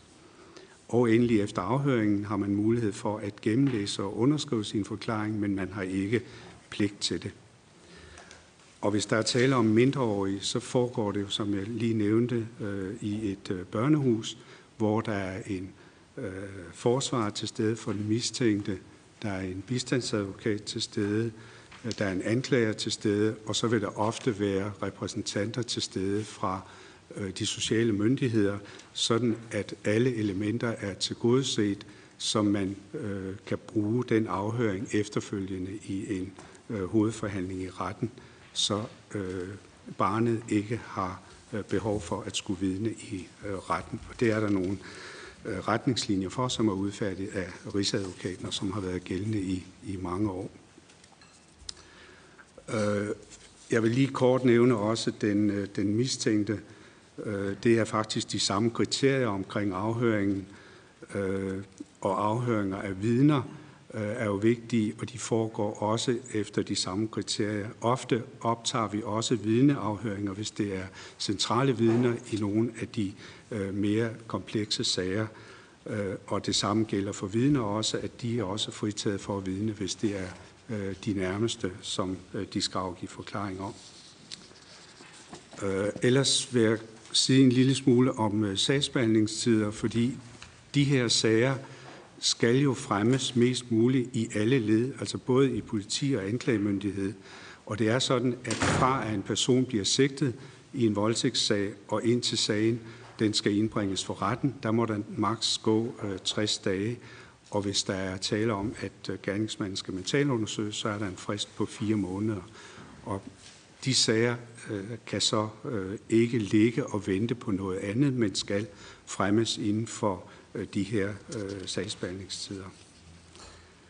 Øh, hvis øh, man må opgive påtale, så er det jo et øh, anlæggende for anklagemyndigheden, og i øvrigt også et anlæggende for anklagemyndigheden at rejse tiltalen. Øh, og hvis man skal opgive og rejse tiltale, så er det øh, vigtigt, at de får rettet orienteres om begrundelsen, og udover den klagevejledning, der er, øh, så har man mulighed for at holde en afsluttende samtale med den forurettede i sagen, for at få den dialog øh, og få en forståelse øh, forhåbentlig for, hvorfor at der er truffet den beslutning, der er, sådan at man ikke bare lakonisk får en meddelelse på papir, øh, og øh, som måske ovenikøbet er skrevet i et sprog, man har, har svært ved at håndtere, at man også får mulighed for den direkte dialog. Og der er også kontaktpersonen en væsentlig spiller i øh, dens øh, del. Og så er der også den, øh, hvis der har været varetægtsfængslet i sagen, at øh, så har man mulighed nu for at underrette den forurettede, hvis den pågældende enten bliver løsladt fra varetægt, eller når den pågældende bliver løsladt efter afsoning, sådan at man ikke pludselig møder gerningsmanden helt uvidende om, at den pågældende er på fri fod. Øh, meget kort vil jeg også lige nævne håndteringen af pressen. Øh, jeg skal bede dig om at runde af lige om lidt, øh, hvis det er okay. Ja, men bestemt. Øh, fordi pressen øh, interesserer sig jo rigtig meget for de her sager, og der er det rigtig vigtigt, at politiet ikke øh, udtaler sig øh, på en måde, så man kan identificere nogle personer, øh, men udtaler sig i neutrale vendinger. Og vi vil faktisk helst øh, undlade i den indledende fase at udtale som de sager, men ofte har pressen jo viden forskellige steder fra og henvender sig selv og øh, vil meget gerne vide, det er, det er godt stof på forsiden, øh, men også sager, som man er nødt til at håndtere øh, med den etik, som, som ligger i det. Øh, jeg tror, jeg vil stoppe med, med den del. Tak for det. Tak til Søren Rav Nielsen. Vi haster videre til sektionsleder Peter Blikfeldt fra Politiskolen. Værsgo. Tak for det. Øh, jeg vil fortælle, hvordan kommende og erfarne efterforskere i politiet undervises i forberedelser og i særdeleshed i afhøring af øh, voldtægtsoffer. Og øh, i de næste 10 minutter, der vil jeg komme ind på, at jeg vil starte på at komme med en kort introduktion til øh, politiets afhøringskoncept, øh, det der kaldes øh, sagermodellen, som er udgangspunktet for politiets øh, afhøringspraksis, og som også er udgangspunktet for den undervisning i afhøring, der foretages øh, i politiet. Øh, derefter så vil jeg gennemgå øh, nogle af de relevante uddannelser, øh, som, politiet, som politiets medarbejdere undervises i øh, inde på området herunder, med henvisning til politiets øh, basisuddannelse øh, og to af politiets efter videreuddannelse, karrierevej efterforskning og den uddannelse, der er afhøring niveau 2. Politiet benytter sig af et afhøringskoncept i kognitiv afhøring i form af en afhøringsmodel, der kaldes SAGA. Jeg har ikke mulighed for at beskrive detaljerne i modellen, øh, da den er klassificeret kun til intern brug i politiet. Øh, men jeg kan generelt fortælle, at modellen og konceptet er en sags type tilpasset model for politiets afhøringspraksis, som er baseret på kognitive principper. Forudsætningen øh, er altså, at kognitiv afhøring anvendes som den metodiske ryggrad øh, i alle politiets afhøringer, det vil sige også ved afhøringer af voldtægtsoffer. Øh, det indebærer, at de kognitive principper udgør grundlaget for alle former for afhøringer, uanset sagens kompleksitet og alvor. Øh, og jeg kan også sige, at et af hovedprincipperne for konceptet er netop at facilitere den afhørtes frie forklaring. Det er erfaringen og vurderingen, at man ved korrekt brug af SAGA-modellen kan sikre den bedst tænkelige behandling af et voldtægtsoffer, uden at det går på kompromis med kvaliteten af efterforskning og behandlingen af vedkommende.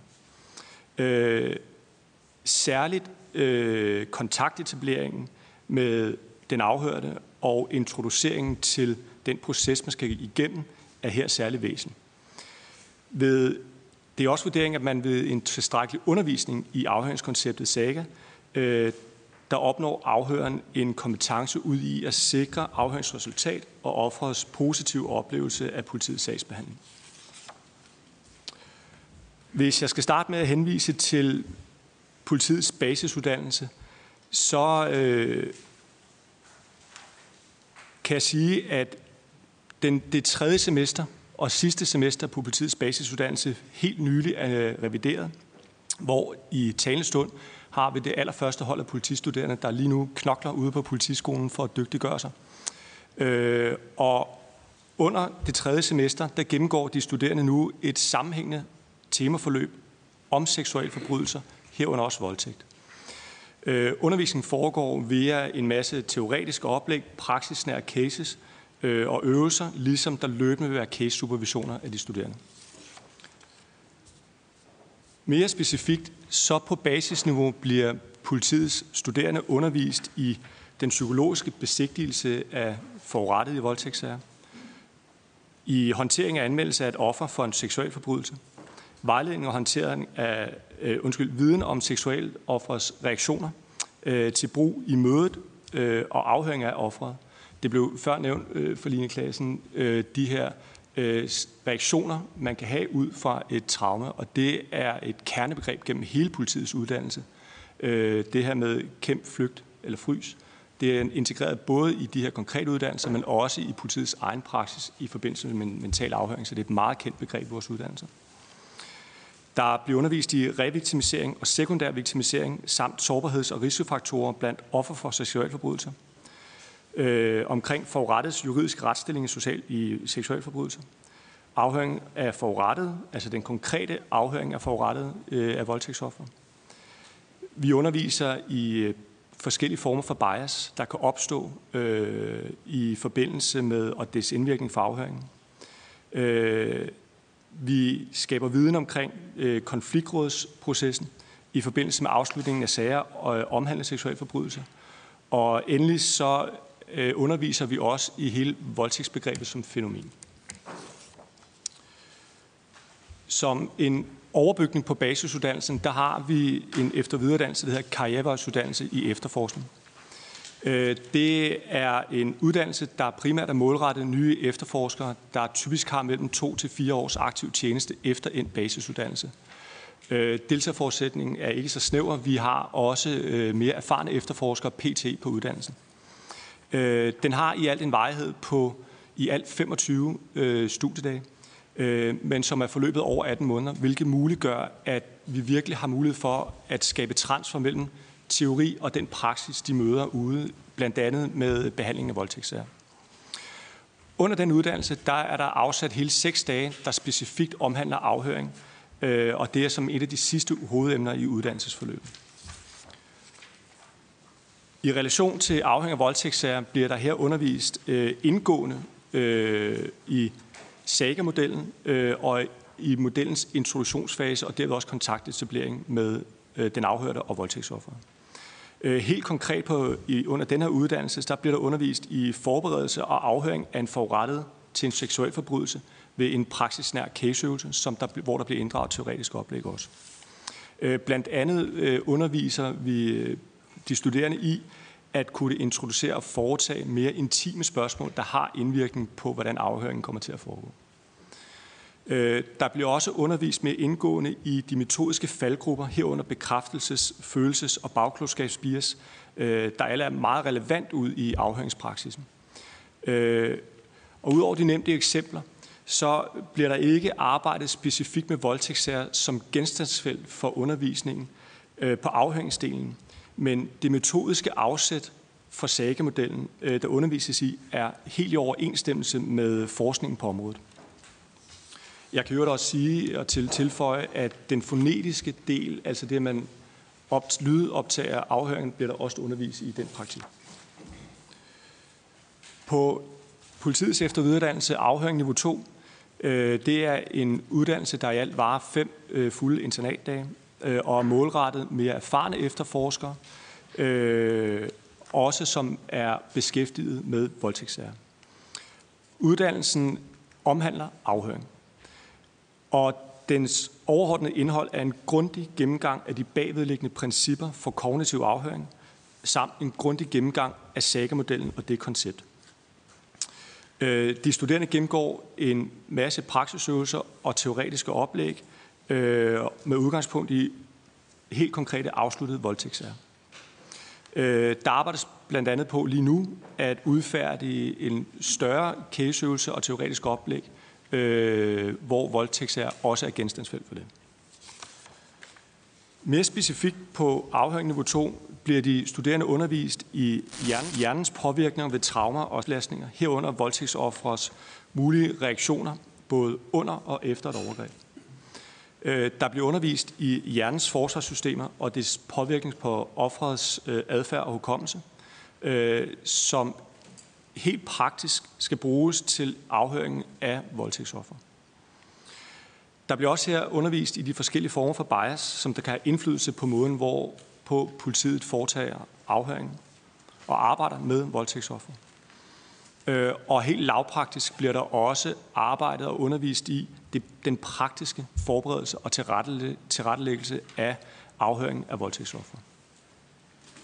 Ligesom her, så er, vores, er det en teoretisk uddannelse, der har et praksis øje, eller der har et praksisfokus, det vil sige, at den er øh, rettet mod praksis.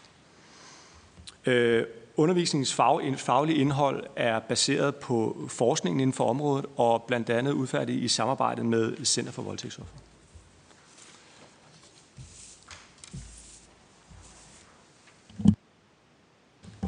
Tak til Peter Blikfeldt, og så vil vi videre, gå videre til Rikke Hyttel, som er advokaturchef i Sydøstjyllands Politi. Værsgo. Tak. Og tak, fordi øh, jeg måtte komme. Jeg er anklager, og jeg har igennem årene behandlet flere voldtægtssager. I dag sidder jeg så som advokaturchef, som er en afdeling i anklagemyndigheden, hvor vi har øh, sagerne af den her karakter, og altså behandler de her sager. Du må gerne skifte til næste slide. Det jeg har tænkt mig at gennemgå øh, de næste 10 minutter, det er først lidt omkring anklagerens rolle, og så lidt omkring, hvad det er, grundlaget er for anklagemyndighedens afgørelse, når vi træffer en afgørelse.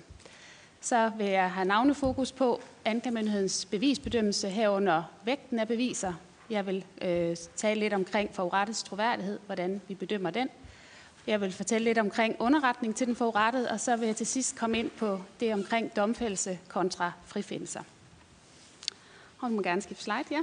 Anklagerens rolle, det er at bistå politiet under den indledende efterforskning i sagen, og det er blandt andet, at vi kan indhente kendelser om rensagninger. Vi kan også øh, gå i retten, hvis der skal være varetægtsfængsel med grundlovsforhør. Og det er sådan det indledende, hvor vi ligesom har kontakt med politiet. Øh, ellers så får vi sagen op i anklagemyndigheden, og der skal vi så vurdere, om der er grundlag for at rejse en tiltale. Og det gør vi jo øh, ud fra, at vi læser materialet, øh, og hvis vi vurderer, at der skal rejses en tiltale, så laver vi simpelthen det, man kalder et anklageskrift. Hvis vi vurderer, at den skal sluttes, så laver vi en afgørelse om slutning. Der kan være nogle gange her, at anklagemyndigheden vurderer, at der er behov for yderligere efterforskningsskridt. Altså vi har behov for at få undersøgt noget mere i sagen, og der vil vi så sende den retur til politiet med henblik på, at de her efterforskningsskridt de så bliver foretaget. Man vil gerne gå videre til næste slide. Det, der er grundlaget for anklagemyndighedens afgørelse, det er altså det materiale, som vi modtager fra politiet, og som Søren Ravn også har været inde på. Så er det jo typisk øh, afhøringsrapporter af forurettet og mistænkte, som vi har til rådighed. Det kan også være afhøringsrapporter af vidner, for eksempel personer, der har været sammen med mistænkte eller forurettet umiddelbart før eller efter episoden. Det kan også være retsmedicinske undersøgelser forurettet og mistænkte, at de for eksempel har været ude på retsmedicinsk øh, og fået læge undersøgt, om de har skader. Det kan også være kriminaltekniske undersøgelser, altså at politiet har været ude på et gerningssted, og her har man set nogle spor, for eksempel i turedet tøj, øh, spor af sæd på et, lagen eller andet, som kan være relevant. Dernæst så har vi øh, også ofte nogle korrespondencer mellem parterne. Øh, det kan være øh, chat-korrespondencer, sms-korrespondencer, som vi kan have til rådighed, ligesom der nogle gange også vil være videomateriale. Der må du gerne skifte til næste slide. Det er omkring bevisbedømmelsen. Øh, hvad for nogle principper gælder, når anklagemyndigheden skal foretage en bevisbedømmelse? Der er sådan opregnet de her hovedprincipper, der gælder. Og der gælder at det er anklagemyndigheden, der har bevisbyrden. Anklagemyndigheden skal være objektiv. En hver rimelig tvivl skal komme den tiltalte til gode. Bevisbedømmelsen er fri, og der skal altid foretages en konkret vurdering. Anklagemyndigheden har bevisbyrden. Det betyder, at det er os, der skal fremlægge sagen for retten. Det er os, der skal føre beviset i retten og fremlægge øh, de beviser, der er. I en voldtægtssag er der typisk nogle bevistemaer i, hvem gjorde det, hvad skete der, og havde gerningsmanden fortsat. Det er de typiske bevistemaer, der er i en voldtægtssag. Objektivitetsprincippet, det er et fundamentalt princip i dansk retspleje, og det regnes for at være en af de vigtigste retssikkerhedsgarantier, vi har. Anklagemyndigheden kan altså ikke bare prøve en sag. Der skal være en formodning om, at det vil føre til dom, og anklagemyndigheden skal balancere oplysningerne øh, og beviserne i forhold til både den sigtede og den forurettede. Anklagemyndigheden har så pligt til at tage enhver omstændighed, der tyder på mistænktes uskyld i betragtning. De skyldige skal drages til ansvar, de uskyldige skal gå fri. Er der et vidne, der er forklaret til fordel for en mistænkt, skal det vidne afhøres af politiet, men det skal altså også afhøres i retten. Så anklagemyndigheden øh, må altså ikke rejse tiltale, medmindre man skynder, at tiltalerejsningen vil føre til en domfaldelse. Når man har rejst tiltalen, skal anklagemyndigheden også i retten forholde sig objektivt til bevismaterialet i sagen, og hvis det under sagen viser sig, at beviserne, f.eks. vidneforklaringer, alligevel ikke gør, at man kan føre til domfældelse, så skal anklagemyndigheden nedlægge påstand om frifindelse. Så er der enhver rimelig tvivl, skal komme den tiltalte til gode. Det er også et grundlæggende princip, der gælder for anklagemyndighedens bevisbedømmelse. Og bevisbedømmelsen er fri, det vil sige, at vi ikke underlagt nogen regler for, hvordan vi skal bedømme beviserne. Og det samme gælder øh, for anklagemyndigheden. Så skal der foretages en konkret vurdering, og det er, at vi jo hver gang vi får en sag, så skal vi konkret vurdere den. Vi skal læse alle sagens rapporter og tage stilling til øh, beviserne i sagen. Vurderinger af forklaringer, når vidnebeviset er altid meget konkret. Hver sag har sine egne bevistemaer, og det afhænger også typisk af, hvad det er for en karakter af voldtægt, hvilke bevistemaer vi har med at gøre. Jeg vil gerne skifte til næste slide. Og der har vi typisk de her kategorier af voldtægt, som Eva Ågaard også var inde på. Så har vi overfaldsvoldtægt. Det er altså der, hvor en gerningsmand overfalder en ukendt person på gaden. Her vil det typiske bevistema for anklagemyndigheden være, hvem gjorde det. Og det er ikke vanskeligt at bevise, at der er egentlig tvang. Voldtægt af børn. Her foreligger der en videoafhøring af barnet, og anklagerne vil i forbindelse med, at man er til stede i øh, rummet, hvor videoafhøringen foretages, der vil man så kunne danne sig et indtryk af barnets forklaring. Det typiske bevistema her er, at man kan stole på barnets forklaring. Herunder også, om det underbygges af andre øh, beviser i sagen, f.eks. vidneafhøringer, tekniske beviser eller lignende. Hvis varnet vurderes troværdigt, er det ikke nødvendigvis en forudsætning, at der er andre beviser i sagen, da bevisbedømmelsen den er fri. Par- og kontaktvoldtægt. Parvoldtægt giver sig selv. Kontaktvoldtægt, det er der, hvor man øh, lægger til grund, at der er en anden form for foregående relation mellem gerningsmand og forurettet. For eksempel har de mødtes til en date eller andet. Her er det vanskeligt at bevise, hvad der er foregået. Er der forsæt til voldtægt, herunder til, hvis det er tvang eller trusler, eller til forurettets tilstand, altså at hun er ude af stand til at modsætte sig. Her er det ikke øh, ofte, at man kan lægge til grund, her er der ikke tvist om, om der har været et fuldbyrdet samleje ofte. Det, der vil være bevistemaet i de type sager, er, om det er foregået frivilligt eller under anvendelse af vold eller tvang. Eller om forurettet har befundet sig i en tilstand, hvor hun var ude af stand til at modsætte sig, eventuelt på grund af søvn, at hun sov, eller at hun var beruset. Hvis parterne kender hinanden i forvejen, vil det sværeste øh, være at bevise, hvad der skete, og altså om gerningsmanden havde fortsat.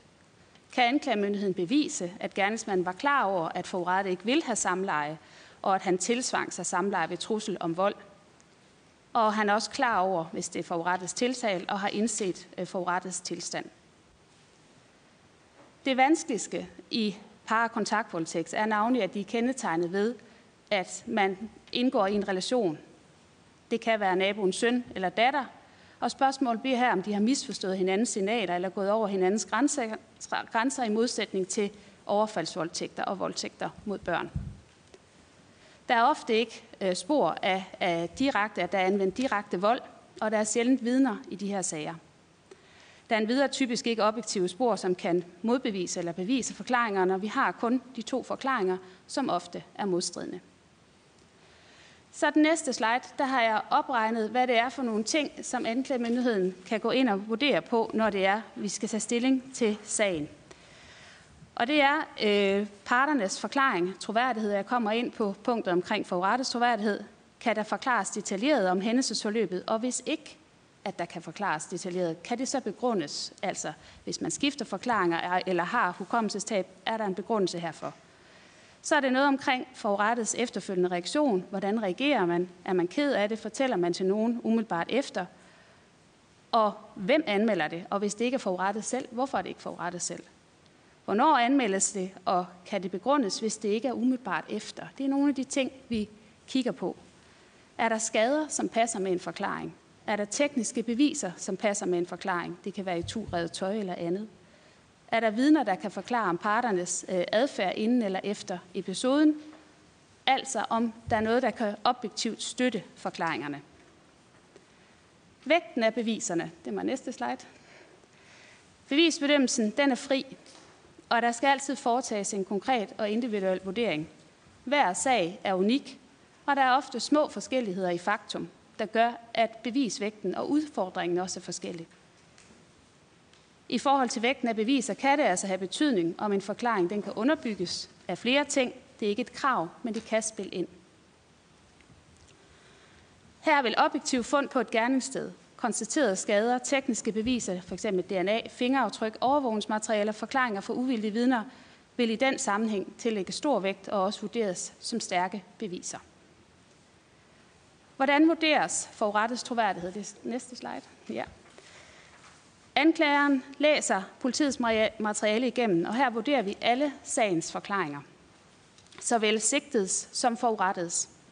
Hvordan passer de afgivende forklaringer med sagens øvrige omstændigheder, kan den ene forklaring underbygges frem for den anden. Anklagemyndigheden har i de senere år haft fokus på traumereaktioner hos de forurettede, både i forhold til at opnå større indsigt i, hvordan forurettet reagerer, herunder hvorfor, ligesom der har været fokus på at afhøre forurettet. Hvis sigtets forklaring er, at der ikke har fundet samleje sted ved de objektive spor, som for eksempel DNA, være vigtige afgøringer. Hvis parterne er enige om, at samleje har fundet sted, så skifter det bevismæssige fokus til forklaringerne, herunder detaljegraden, og om der er noget objektivt, der støtter det i form af tekniske beviser, tegn på vold eller andet. Forklaringerne og konteksten gør derefter, at det skifter, hvad der er stærke og svage beviser. Så var det næste slide. Underretning til den forurettede. Hvis sagen sluttes, øh, og det vil sige, at den ikke kommer for retten, så skal der laves en skriftlig afgørelse til forurettet, og den skal ledsages af en begrundelse og en kvagevejledning. Og desuden så vejledes man også om her, at man kan ringe og få forklaret afgørelsen. Og som også Søren Ravn var inde på, så kan man netop også drøfte med sin kontaktperson. Anklagemyndigheden har arbejdet på at styrke kommunikationen med forurettet. Og der er udarbejdet nye brevkoncepter, klar, tydelig og empatisk kommunikation, og også fokus på øh, begrundelsen. Og der er lavet obligatorisk e-learningskurser om kommunikation med forurettet, og der gøres meget ud at formulere begrundelsen, således at forurettet ikke bliver efterladt med et indtryk af, at myndigheden ikke tror på forklaringen. Der er også typisk beskikket en bistandsadvokat i de sager, og der vil det også være, øh, det er kun hvis forurettet aktiv har frabedt sig dette, at en bistandsadvokat ikke beskikkes. Bistandsadvokaten vil til lige få en kopi af afgørelsen, således at denne kan drøfte med klienten, om det man ønsker at påklage afgørelsen. Hvis sagen skal rejses, at der laves et anklageskrift, så vil den forurettede også skriftligt få en orientering om dette. Så nåede vi til den sidste slide omkring domfældelser kontra frifindelser. Det er vanskelige sager, Øhm, og i voldtægtssager vil der ofte ikke være nogen øh, udforstående vidner til overgrebet eller tekniske beviser, der kan godt gøre, at samlejet er opnået ved tvang eller på grund af den tilstand, som forurettet har befundet sig i. Skyldspørgsmålet bliver herefter vurderingen af den tiltaltes forsæt, og det vil vil i sådanne sager bero på rettens vurdering af troværdigheden af forklaringerne fra de involverede parter og omstændighederne omkring samlejet i øvrigt.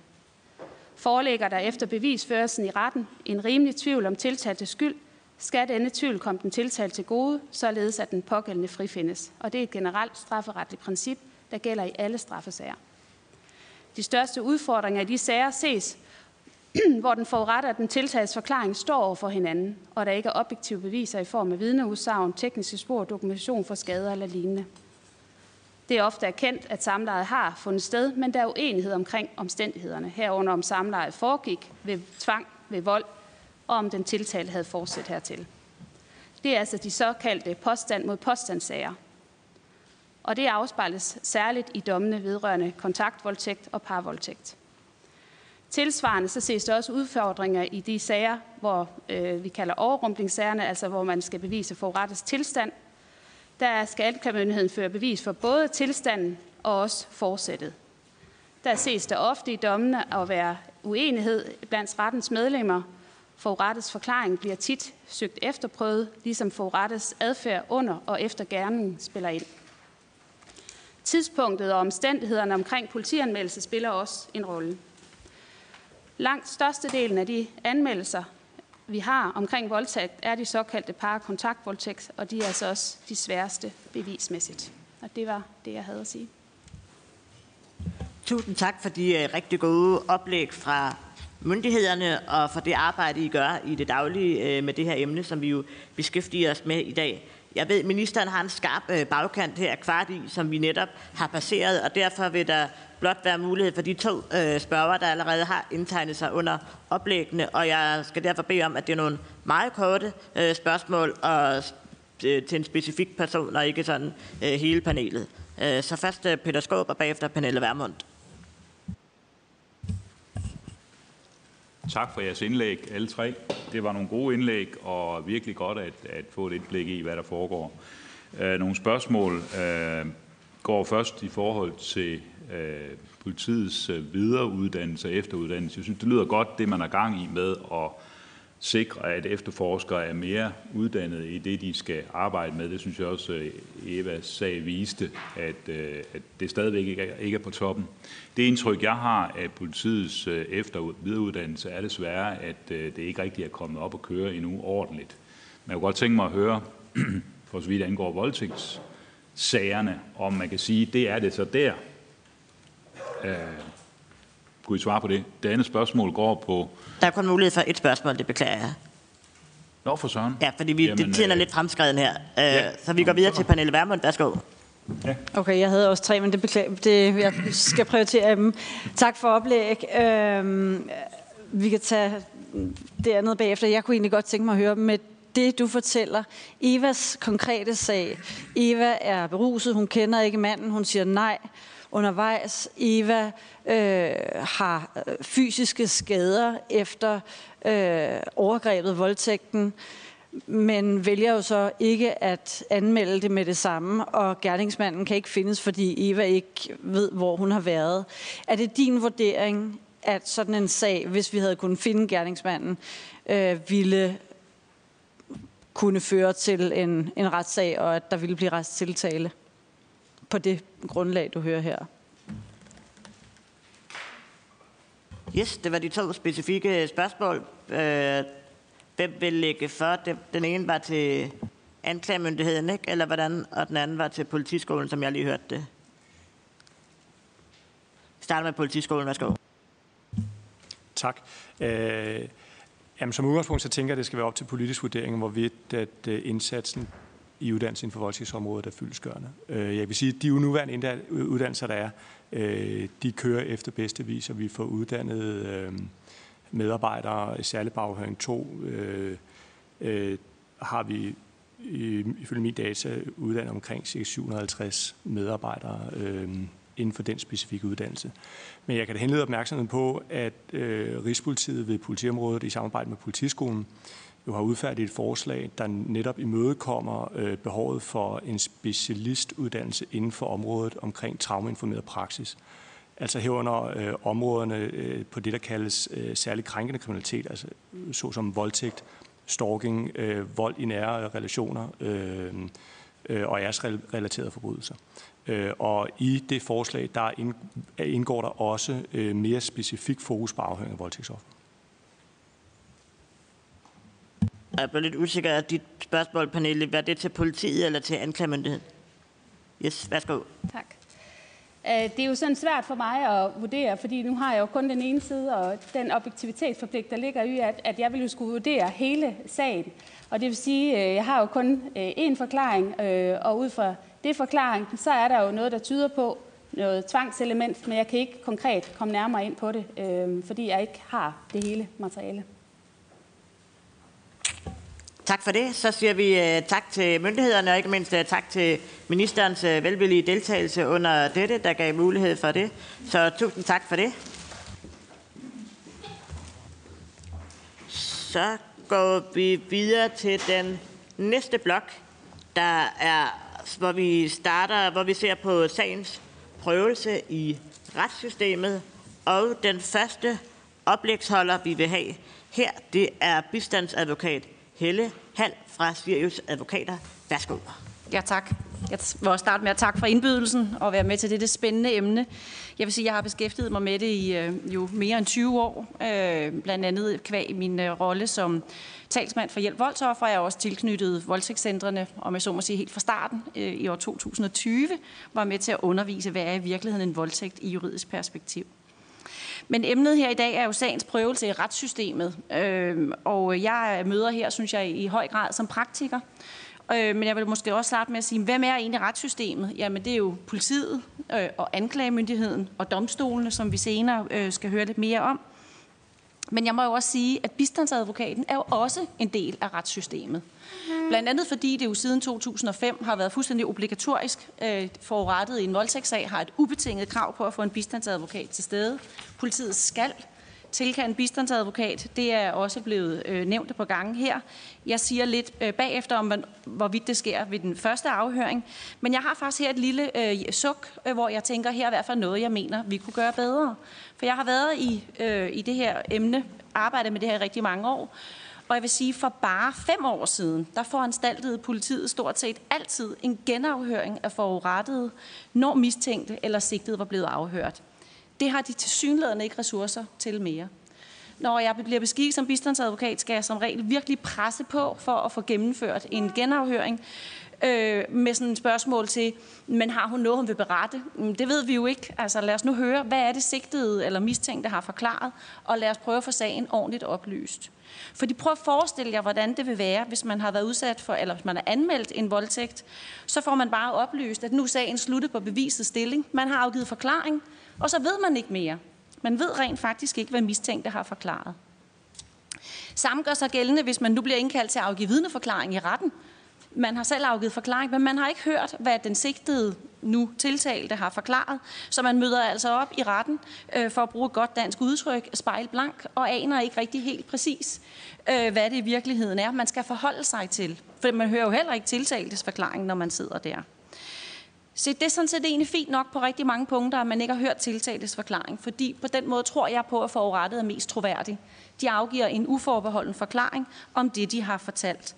Men det, der er rigtig vigtigt at huske på, det er, at hvis ikke de har en bistandsadvokat, som i hvert fald kan forklare lidt om rollerne, så ved de ikke ret meget. Jeg vil også gerne lige understrege, at bistandsadvokaten ikke må fortælle forurettet, hvad sigtede har forklaret, eller til mistænkte har forklaret, eller om øh, andre ting i øvrigt. Men hvad må og skal bistandsadvokaten så? Ja, de skal selvfølgelig støtte, bistå og vejlede ved politiet. De skal rejse krav om erstatninger. De skal være med i retten, og der er nogle formelle begæringer. Men det vi jo skal se på her, det er, gør de det egentlig godt nok? Det synes jeg er, er vigtigt at huske på. Der er lavet undersøgelser, som viser, at 47 procent af voldtægtsoffer ikke er tilfredse med den behandling, de får af politiet. Den viser også, at øh, de 22 procent mener, at politiet ikke tager dem alvorligt. Men det fremgår ikke, hvem af de 47 procent, der har haft en bistandsadvokat, eller i øvrigt, om det har været en ordentlig bistandsadvokat. For der er faktisk ikke lavet nogen undersøgelser af, om bistandsadvokater gør deres arbejde godt nok. Der er lavet undersøgelser, der viser, at politiet nu i noget, der ligner 80 procent af sagerne, tilbyder en bistandsadvokat. Tallene viser også, at der cirka 50 procent af sagerne kommer en bistandsadvokat. Hvorfor ikke flere? Øh, Øh, øh, der er også gamle undersøgelser, som viser, at domfældelsesraten er øget med 100 procent, når der er en bistandsadvokat til stede. Så det er altså vigtigt, det her. Men hvorfor er det ikke i alle sager, der er en bistandsadvokat? Ja, det kan selvfølgelig være, fordi der er dygtige politifolk, og forurettet er i trygge hænder. Det er der jo altså ikke noget, der tyder på, og her kan jeg ikke kun henvise til, til Eva Ågaards øh, beretning, men jo altså åbenbart, tallene taler for sig selv. I 47 procent af sagerne er offrene ikke tilfredse. Måske fordi politiet ikke gider at vente på en bistandsadvokat, om jeg så må sige. Fordi det er svært at få fat i en.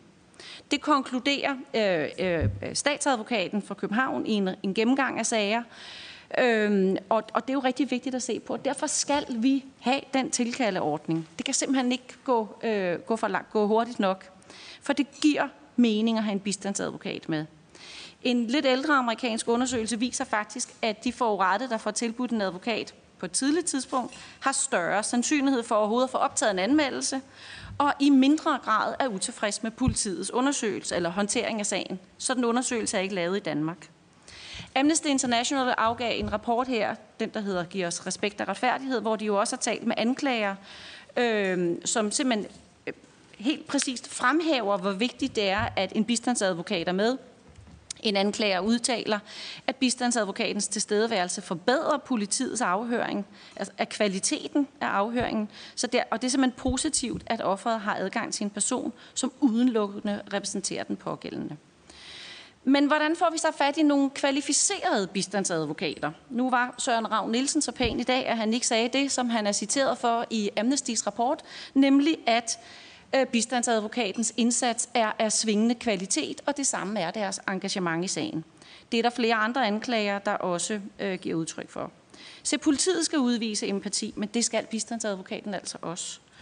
Øh, jeg har rigtig mange gange overtaget rollen som bistandsadvokat, og jeg har hørt forurettede sidde og sige efter en samtale på mit kontor, hold da op, så meget information har jeg aldrig før fået om sagens gang.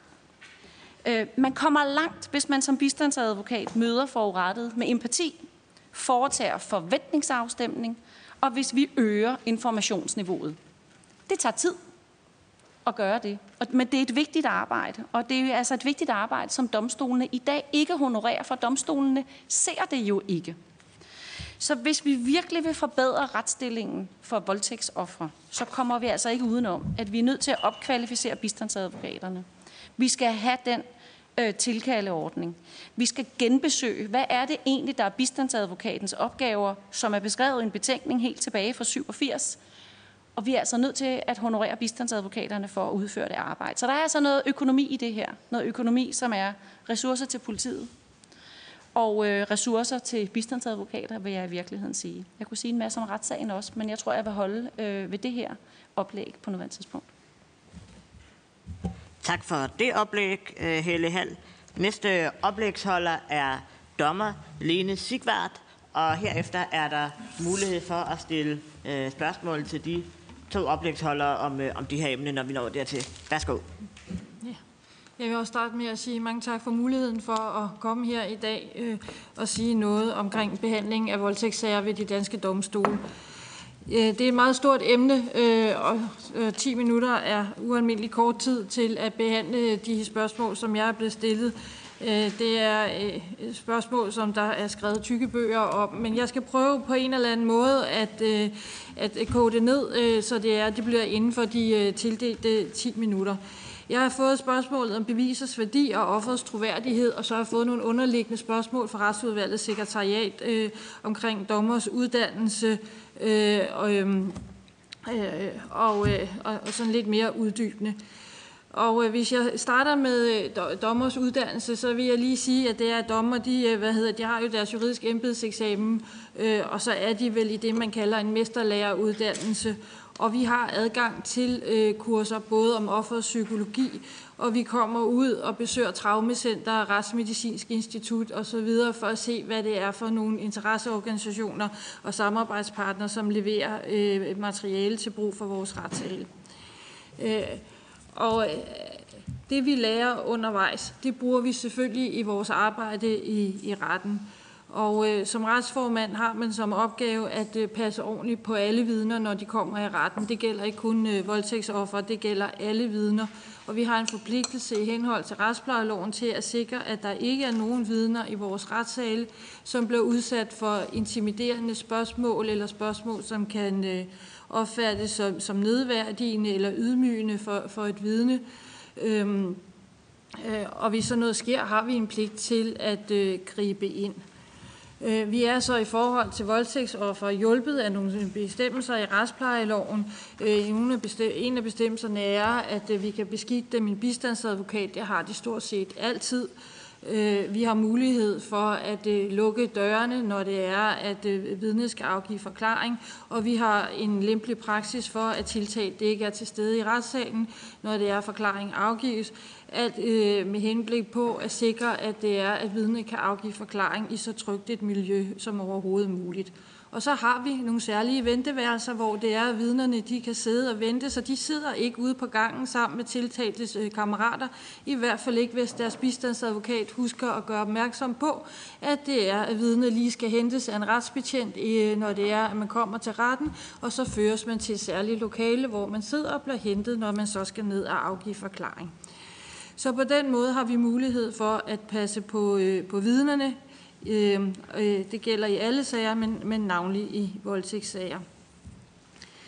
Så vil jeg kort vende mig mod offerets troværdighed. Det fremgår direkte af retsplejeloven, at det er, at der ikke må ske nogen bevisførelse omkring noget vidnes almindelige troværdighed. Og det gælder også et voldtægtsoffers troværdighed. Så der sker ikke nogen vurdering af offerets troværdighed. Der kan ske vurdering af troværdigheden af en forklaring, men det er noget helt, helt andet. Øhm, en forklaring er en del af, øh, af de beviser, der bliver fremlagt øh, for retten, øh, og øh, Rikke Hyttel har gennemgået rigtig fint, hvad det er, at øh, det er for nogle problematikker, som det er, at det, man bliver for forelagt, når det er, at man skal behandle en voldtægtssag øh, ved domstolene. Nogle, et af de helt store problemer øh, ved voldtægtssager, det er, at man har kriminaliseret en akt, som normalt øh, er en lovlig akt, altså samlejet. Og det vil sige, at det er, at vi sidder med en gerning, som typisk mangler øh, de traditionelle karakteristika, som man finder i alle andre kriminaliserede øh, gerninger. Hvis jeg skal komme med et, et, et, et lidt bedaget eksempel, men, men har man en person, der kommer ind i en butik og siger, det her det er et røveri, giv mig kassen og løber ud igen, ja, så har man nogle karakteristika på, hvad et, øh, et, et, et røveri er. Øh, hvis man har to mennesker, der har haft et samleje, ja, så har vi ikke karakteristikerne på, et, på en voldtægt. Vi skal have noget mere. Øhm, Så har vi de helt traditionelle øh, øh, voldtægtssager, altså overfaldsvoldtægterne. Ja, der kan man tale om karakteristika, øh, og der kan vi også se øh, på, om vi har de sædvanlige karakteristika. Har vi et overfald, og har vi et samleje, og så kan vi sige, så har vi også en voldtægtsforbrydelse.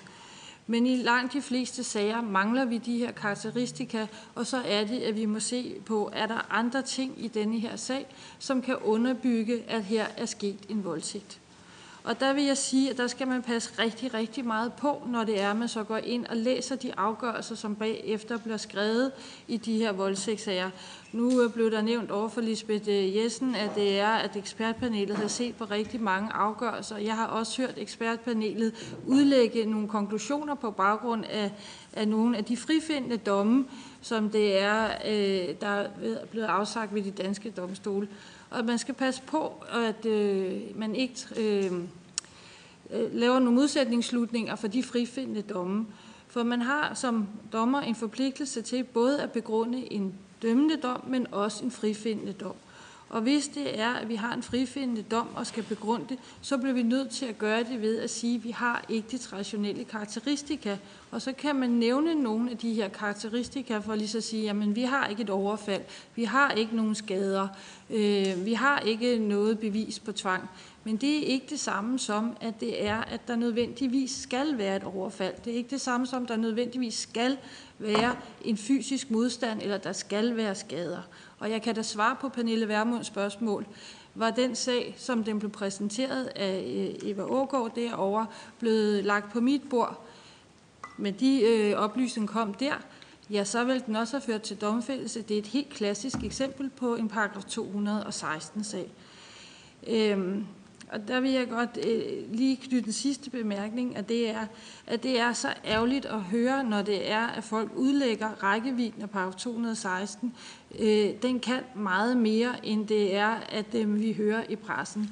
Det er i udgangspunktet sådan, at et hver samleje skal være frivilligt. Hvis det ikke er frivilligt, så er det i udgangspunktet en voldtægt. Problemet er, om det er, at det kan bevises. Og retten kan kun tage stilling til de beviser, den bliver præsenteret for i retten. Der er ikke nogen til tilstedeværende i retten, der har været til stede, da gerningen blev begået. Vi kan kun se på de beviser, der er. Kan de ikke bære, så må vi frifinde. Sådan er det. Det er et øh, sundt retsprincip. Det skal heller ikke være anderledes. Det betyder så også, at når der sker frifindelse, så er der heller ikke beviser til at sige, at så har der fundet en voldtægt sted. Det må jeg også bare slå fast. Det kan godt være, at det er et, øh, et ikke særlig sympatisk øh, hvad hedder det, udsagn at komme med, slet ikke i det her sådan forum her, men sådan er det bare en gang. Hvis beviserne ikke er der, kan man ikke bagefter gå hen og sige, at så har der været en voldtægt.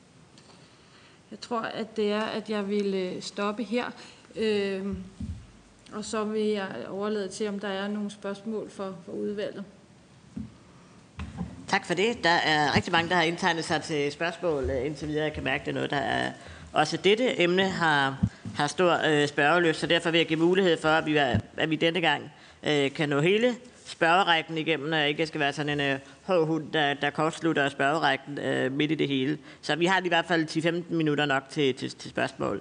Øh, og først har jeg Jeppe Brugs på, øh, og så har jeg også Peter Skårup, Rosa Lund, undertegnet og Pernille Vermund. Værsgo, Jeppe. Tak for det. Øh, vi, vi, øh, jeg synes, der er jo rigtig mange elementer af processen, som vi også har beskæftiget os med i retsudvalget, og vi sidder og kigger på, og som også er genstand for i dag. Meget af det lyder jo rigtigt. Alligevel så støder vi jo meget på en virkelighed, der ser anderledes ud. Særligt også for de kvinder, der jo ikke har et netværk eller ressourcer.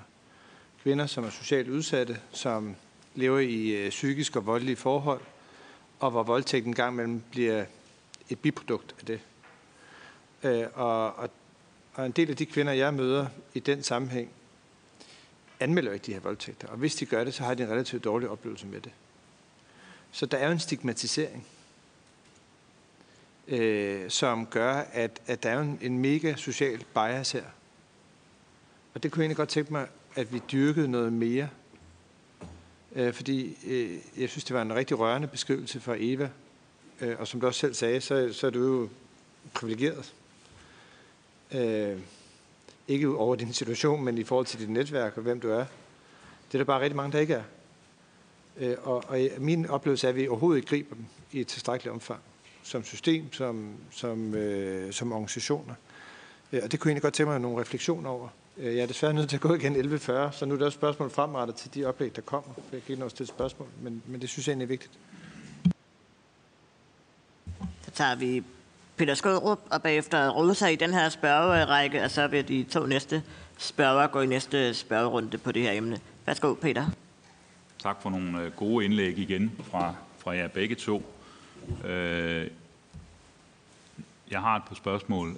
Øh, det, det sidste indlæg fra Lene Sigvart, synes jeg, gav anledning til et spørgsmål, som handler om samtykke. Det, det er jo sådan, at der er noget på vej fra regeringen. Der er lavet en aftale mellem nogle partier om et samtykkeforslag. Jeg kunne godt tænke lige at høre din vurdering af det. Hvor langt længere kommer vi, og om behovet for det, jævnfører din øh, vurdering af, af den paragraf, du nævnte. Øh, så generelt og det er til jer begge to. Så en af de udfordringer, jeg synes, der er i de her sager, det gælder sådan set også Eva Ågaards sag, det er, at det rigtig forfærdelige forløb, man har været i gennem som kvinde, kommer man til at skulle gentage rigtig mange gange i den her proces.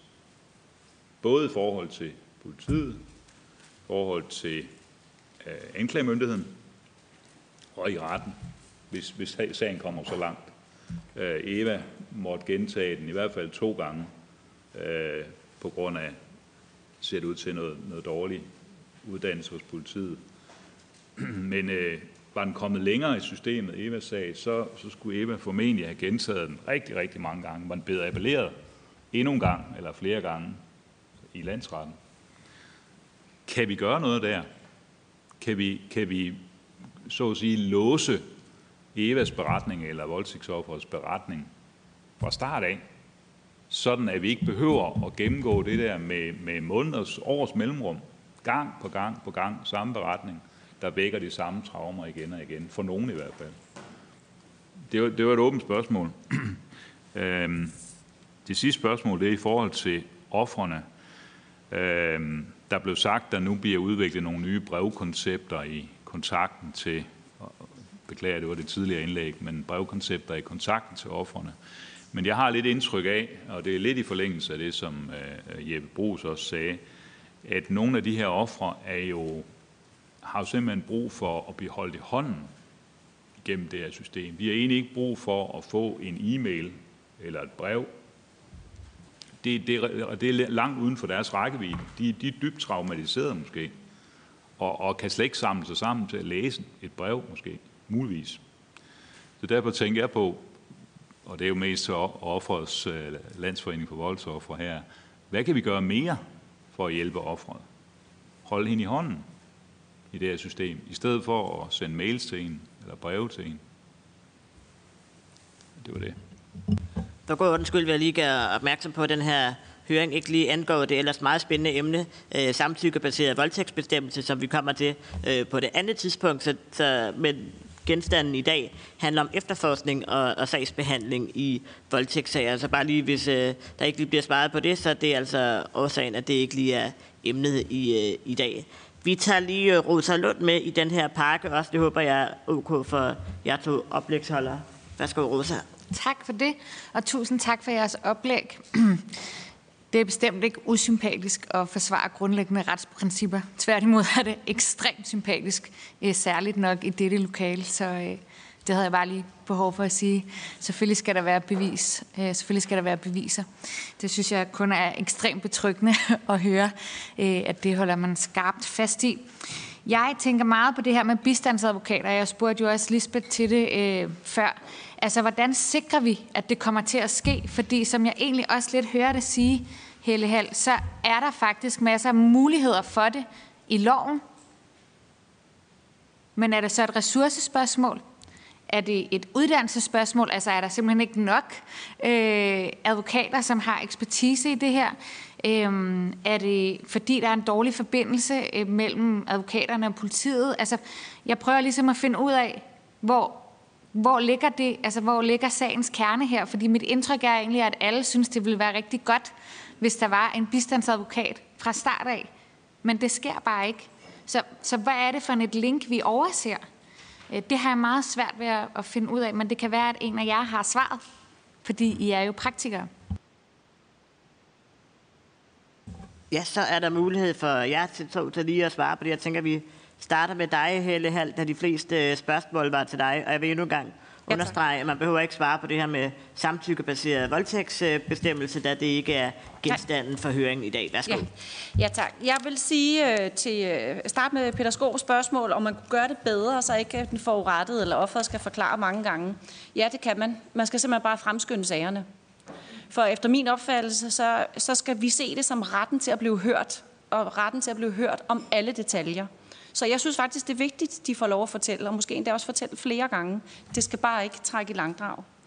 Øh, det var det ene. Omkring information til forurettet øh, har jeg selv siddet med i et udvalg, som har set på alle de her mange breve, der bliver sendt ud. Jeg tror aldrig rigtigt, vi kommer det til livs, at øh, det, det sprog, der bliver anvendt fra anklagemyndighedens side, eller fra de alle offentlige myndigheders side, er svært øh, at kapere, når man et er sårbar og fyldt med selvbebrejdelse og alt muligt andet. Øhm, men det er jo klart, at bistandsadvokaten kan jo her hjælpe, hvis man er i stand til at formidle de informationer, der står i de her kringlede breve. Så lad mig vende mig hen til det. Hvordan gør vi bistandsadvokaterne bedre? Jeg tror ikke, vi behøver at ændre så meget i loven, øh, fordi der er meget få ting, der står beskrevet i loven øh, allerede. Øh, og vi har det, men vi har en betænkning, og det var derfor, jeg faktisk lidt sagde, lad os prøve at genbesøge den betænkning, hvor der rent faktisk stod, øh, eller står, at bistandsadvokaten også skal hjælpe med mere end bare det juridiske. Altså med, med, med hjælp af mere almen karakter. Men hver eneste gang, man sender en salæranmodning til retten, men man har hjulpet med et eller andet mere almen karakter, det kunne for eksempel være, at forurettet ikke har lyst til at bo i samme boligblok som gerningsmanden, der voldtog hende. Øh, så får man lidt, ah, det er ikke rigtig omfattet af beskikkelsen at hjælpe med det. Og, og det, det, det, det kan man godt leve med, hvis der er andet, der så bliver øh, honoreret, øh, om jeg så må sige. For der, er sådan lidt, der var også lidt omkring det der med hjælp til anmeldelsesdelen. Jeg bliver tit ringet op. Det kan jeg også godt leve med, øh, før der er en anmeldelse. Men, men, men der er lidt med, øh, med det, som jeg tror er vigtigt, fordi hvad er problemet? Og nu siger jeg det lidt, og det kan godt være, at det er en anden provokerende på min egen stands vegne. Jeg tror også, der er noget prestige i det her. Er det fint nok at være offernes advokat? Eller er det i virkeligheden øh, lidt, for, lidt for meget støttefunktion? Og til det vil jeg sige, ja, der er meget støttefunktion, men den er simpelthen så vigtig. Det handler om mere end juridiske kompetencer. Det handler om kommunikative kompetencer og en hel masse andet. Jeg kunne tale i evigheder, men må hellere slutte her. Lene Sigvart også, vil du sige lidt? Ja. Jeg vil i hvert fald sige, at det er rigtig, rigtig vigtigt, at det er, at offerne de kommer i retten og afgiver forklaring. Det er et af vores øh, altså, helt essentielle redskaber for at øh, forstå en sag, at det er, at øh, vidner kommer ind og afgiver forklaring. Det er rigtigt, som øh, øh, sagt af Søren Ravn Nielsen, at det er, at øh, visse vidner øh, de bliver øh, videofilmet, og så ser vi dem øh, øh, over en skærm nede i retten. Og det er noget, vi, vi må leve med, øh, og det er for at beskytte de helt øh, unge øh, seksuelt øh, krænket, øh, men det er ikke optimalt, og øh, det kan heller ikke øh, afvises, at det kan have betydning for bevisvurderingen, at det er, at øh, folk er på video frem for, at det er, at vi har dem øh, nede i retten. Øh, og øh, så kan jeg godt knytte nogle ganske få øh, bemærkninger til det her med, med, med, med samtykkelov. Det er jo ikke det, der er, er til debat i, i dag. Øh, men, men vi kommer jo til at stå med de samme problematikker øh, med en samtykkelov, som vi gør i dag at det er, at vi har ikke meget andet at gribe i, end de forklaringer, som bliver givet nede i retten, og se på, om de er understøttet af noget. Og i dag kigger vi på, om de er understøttet af øh, andre ting, der ligger uden for, for forklaringen. Det kan, kan, kan være øh, det øh, Øh, øh, forløb, der var op til samlejet, men det er også ret typisk det forløb, der har været efter øh, samlejet. Jeg tror faktisk, at det var Helle Hall, der meget fornuftigt sagde på et tidspunkt, anmeldte så hurtigt som overhovedet muligt. Øh, det kan godt være, at øh, din psykologi siger, at det er, at du skal ligge hjemme i sengen og skamme dig i en uge, men kom nu ned på politistationen og få det anmeldt, for jo hurtigere du kommer der ned, jo flere ting er der, øh, som det er, retten kan se på, øh, øh, som kan understøtte øh, en, en forklaring. Der, hvor det er, der kan være en forskel, øh, og der, som, som dommerforeningen øh, frygter, der kan være en forskel, når vi får en samtykkelov, det er, at vi kommer til at skulle se noget mere på offers adfærd. Det er sådan i dag, at vi vil aldrig nogensinde se på, om et, om en, et offer for en forbrydelse havde nedringet trøje på. Man har lov til at have en nedringet trøje på, man har også lov til at have en meget kort nederdel på. Det gør ikke, at det er, at man har accepteret øh, at deltage i et samleje. Men når vi skal ind og se på, om der er givet samtykke, så bliver vi nødt til at gå lidt nærmere ind og se på, hvad er det, den forurettede øh, i denne her sag, øh, hvordan er det, at vedkommende har ageret? Er der noget i, i vedkommendes adfærd, som kunne have øh, blevet opfattet som et samtykke? Hvor vi i dag kigger mere på, er der noget omkring de omstændigheder, der ligger udenom, som kan anses for at være en underliggende trussel om vold, og som gør, at man for eksempel ikke har været i stand til at gøre modstand, og en underliggende trussel om vold er helt klart, hvis det er, at man bliver trukket op i en lejlighed, man ikke selv har bedt om at komme i, og så øh, bliver man udsat for et samleje, som man absolut ikke på nogen måde øh, har lagt op til, eller givet udtryk for, at man havde lyst til. Øhm, og det vil være det, vi vil kigge på der, øh, og ikke så meget på, hvordan var det, offeret var påklædt, øh, og hvad var det, offeret sagde og gjorde med de omkringliggende omstændigheder. Så, så det er der, vi frygter, at der måske kan, øh, kan opstå nogle situationer, hvor vi skal gå noget tættere på, på offeret på en måde, som ikke er, er behagelig for, for offeret. Så har jeg lige øh, mig selv på til et spørgsmål, øh, bagefter Pernille Værmund. Og det, jeg vil spørge ind til, det er selve det her med, med retsledelsen, øh, som blev beskrevet. Altså det her med, at man som dommer jo blandt andet har en opgave øh, i forhold til at afvise intimiderende måske, spørgsmål og sådan. Jeg vil høre, om du kunne komme lidt nærmere ind på det, hvad det er for nogle spørgsmål, man i den forbindelse typisk afviser, fordi det vi jo øh, ofte hører om, det er jo det her med, at man, man, man stiller nogle fuldstændig irrelevante spørgsmål, såsom øh, hvor mange sexpartnere har den forurettede haft, øh, eller hvilken øh, påklædning øh, havde man på, og den slags, som jo ikke har noget med at, at gøre, om man øh, har lyst øh, lige på det pågældende tidspunkt, øh, og den slags. Øh. Så det vil jeg høre, om du kunne sige lidt mere om, om man kunne gøre noget retligt for at, at styrke øh, dommernes retsledelse for at afvise det. For noget af det, jeg også hører, det er, at der kan være lidt forskel på øh, rutinerede dommer og nye, dom, og nye dommer i forhold til, at man lige får afvist øh, nogle af de her meget øh, intimiderende spørgsmål, som jo kan bevirke, at man som øh, forurettet ikke har, har lyst til at, at, at stå frem, hvilket jo kan være rigtig ærgerligt, fordi det er jo det, som det bliver beskrevet, noget af det allermest øh, vigtige i, øh, i hovedforhandlingen af de her spørgsmål. Pernille Vermund. Tak. Jeg fik sådan set svar på øh, mit spørgsmål gennem Lene indirekte, øh, men tusind tak for god beskrivelse. Og så er det Lene Sigvart. Værsgo. Men altså, du har jo selv, øh, Christian Hegård, meget glimrende formuleret nogle af de spørgsmål, som i hvert fald vil blive afvist øh, nede i retten, hvis det er, at de bliver stillet. Det kan også øh, være, at det er, at man bliver ved med at bruge et bestemt spørgsmål, hvor det er, at retsformanden må gå ind og sige, jeg tror, jeg, at det er, at vidne har besvaret det her pågældende spørgsmål. Nu skal vi videre.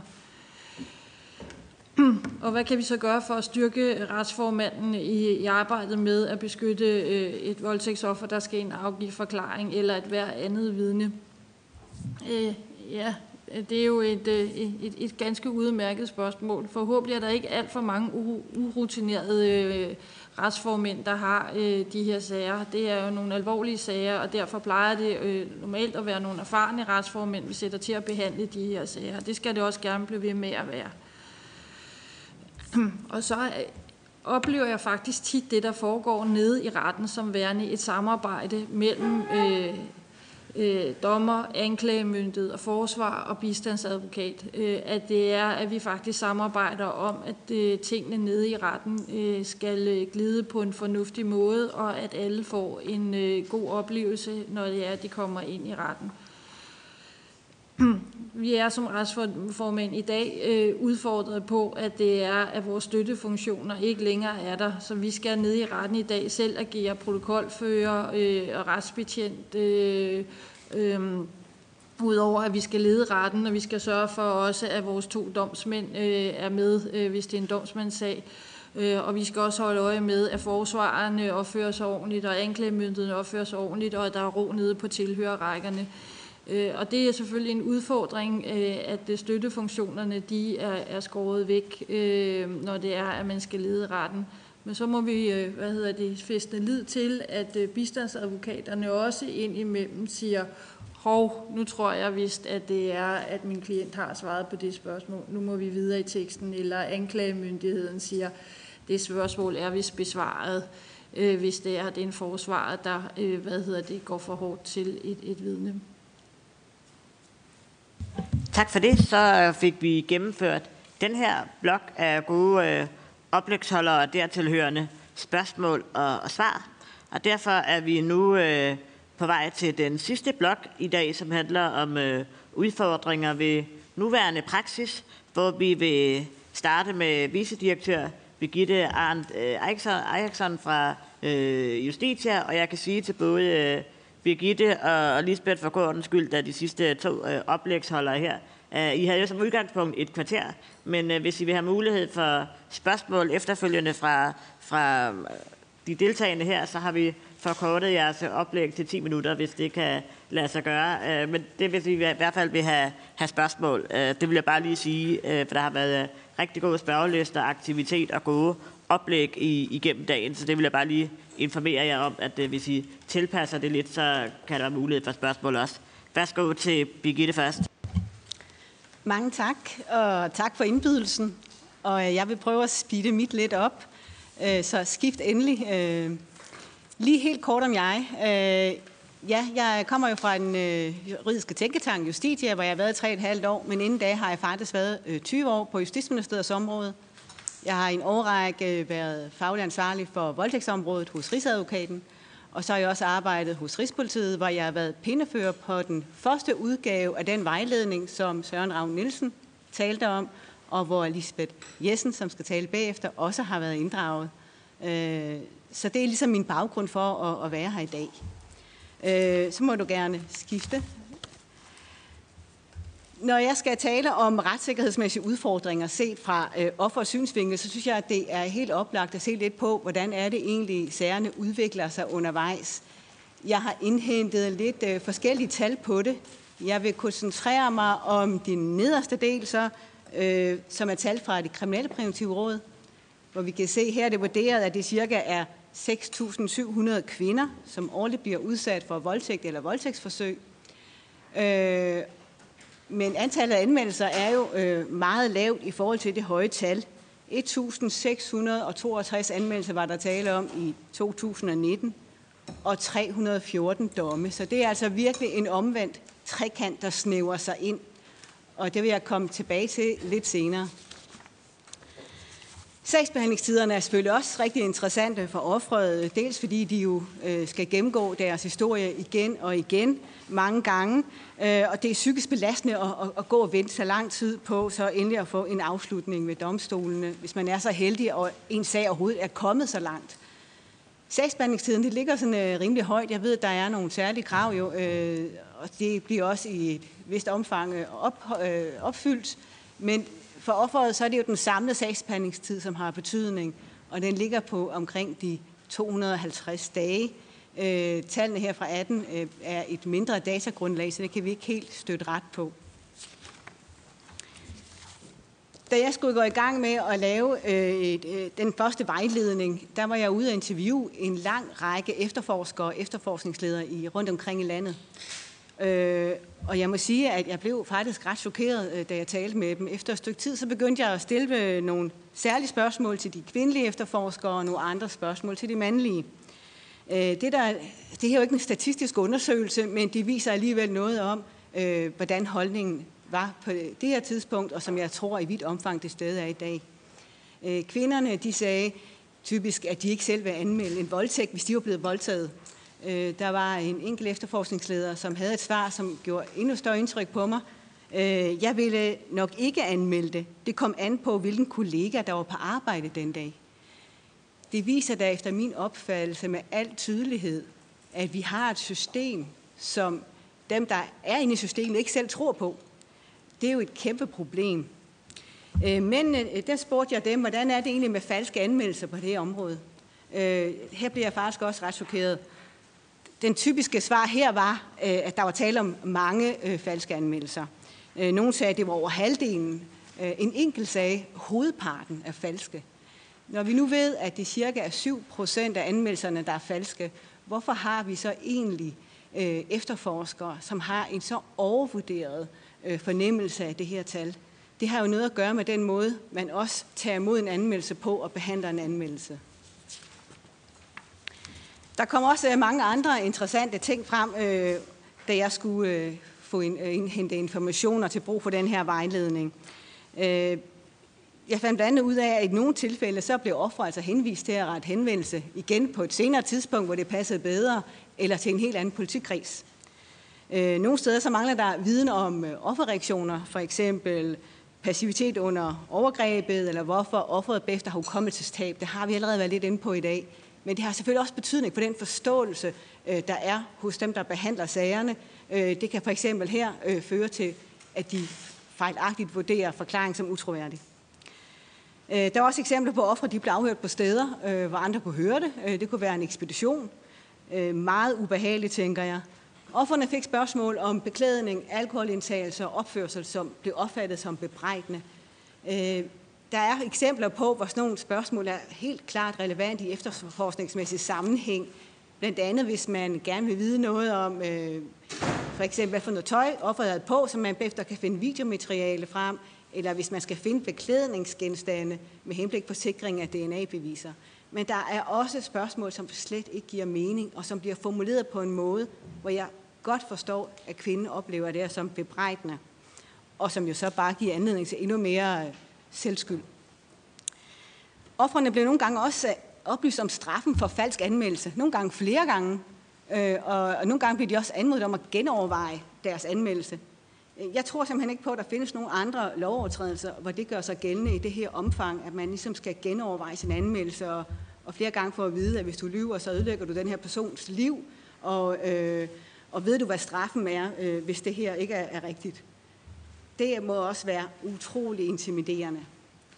Og så var der selvfølgelig også sager, hvor der bare manglede rettidig efterforskningsskridt, øh, og det kan jo så betyde, at sagen falder helt sammen og ikke bliver til noget. Nogle af de fund, jeg, jeg gjorde her, de blev jo senere understøttet af en analyse, som øh, Justitsministeriets forskningskontor havde lavet. Det udkom i oktober 17, men alle data var fra andet halvår 2016. Øh, de kom frem til, at knap en tredjedel af offrene de havde oplevet forhindringer i forbindelse med anmeldelsen. Øh, og de forhindringer, der var tale om, det var faktisk nogenlunde øh, de samme, som jeg lige har været inde på.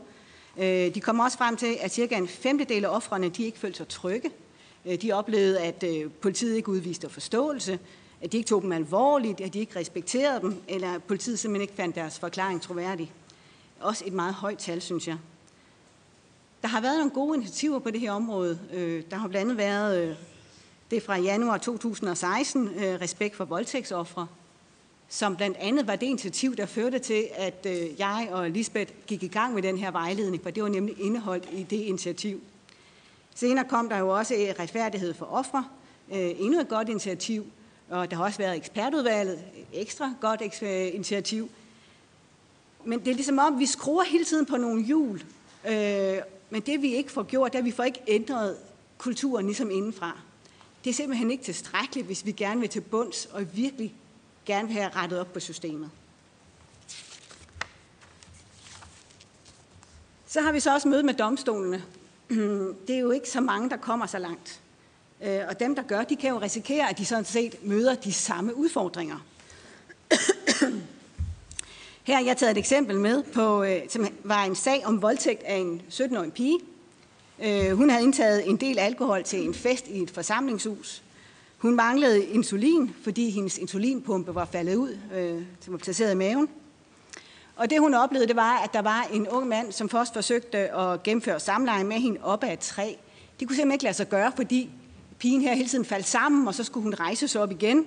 Det skete flere gange. Til sidst så gav han sådan op, og, og så blev hun så overtaget af to andre øh, unge mænd, som sådan set ikke kendte hende. De havde slet ikke talt med hende, og de kendte heller ikke hendes navn.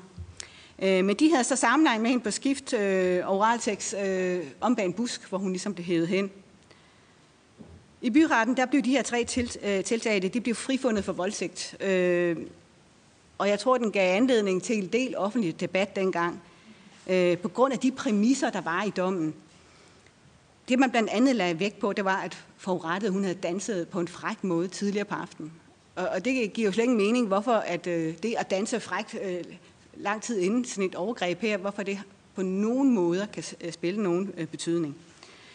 Øh, der blev også lagt vægt på, at, øh, altså, at den troværdighed, de her havde haft, at, øh, at forurettet dels af egen drift, og dels med støtte fra den første unge mand, kunne bevæge sig øh, hen til de to andre. Så blev lagt vægt på, at der var usikkerhed omkring øh, forurettets promille, Øh, det er også der vægt på, at hun ikke tydeligt modsatte sig handlingerne. Det var der måske en god grund til. Det kommer landsretten i hvert fald frem til. Og det allermest opsigtsvækkende, synes jeg, det er, at selvom den første unge mand sådan set bare indrømmede helt fra starten af, at hun var i en fuldstændig hjælpeløs tilstand, det her offer, så mente man ikke i byretten, at det kunne føre til et andet resultat. Og øh, man frifandt også øh, drengene her for øh, at øh, efterlade offeret i hjælpeløs tilstand, selvom hun jo bagefter blev fundet om bag den selv samme busk, øh, ukontaktbar. Øh, og det var hendes søster, der måtte gå ud og lede efter hende. Hun var øh, halvt afklædt, hendes, øh, hun var uden trusser, og kjolen var trukket op over hendes hoved. Det var en meget opsigtsvækkende sag. Heldigvis øh, så øh, gik, havde landsretten en helt anden bevisvurdering af den her sag, og, og der blev alle tre dømt det, jeg synes, det er sjældent heldigvis, vi ser domme som den her, øh, hvor det efter min opfattelse, øh, og ud fra det, jeg kan læse fra øh, den skriftlige dom, må sige, at det her det er altså helt hen i vejret. Og heldigvis så, så ender sagen godt i sidste ende. Men det her, det viser, at der også selv i retssystemet kan være problemer, og det her betyder jo også, at offeret skal gennem en endnu længere proces, fordi at den i første omgang blev bedømt forkert.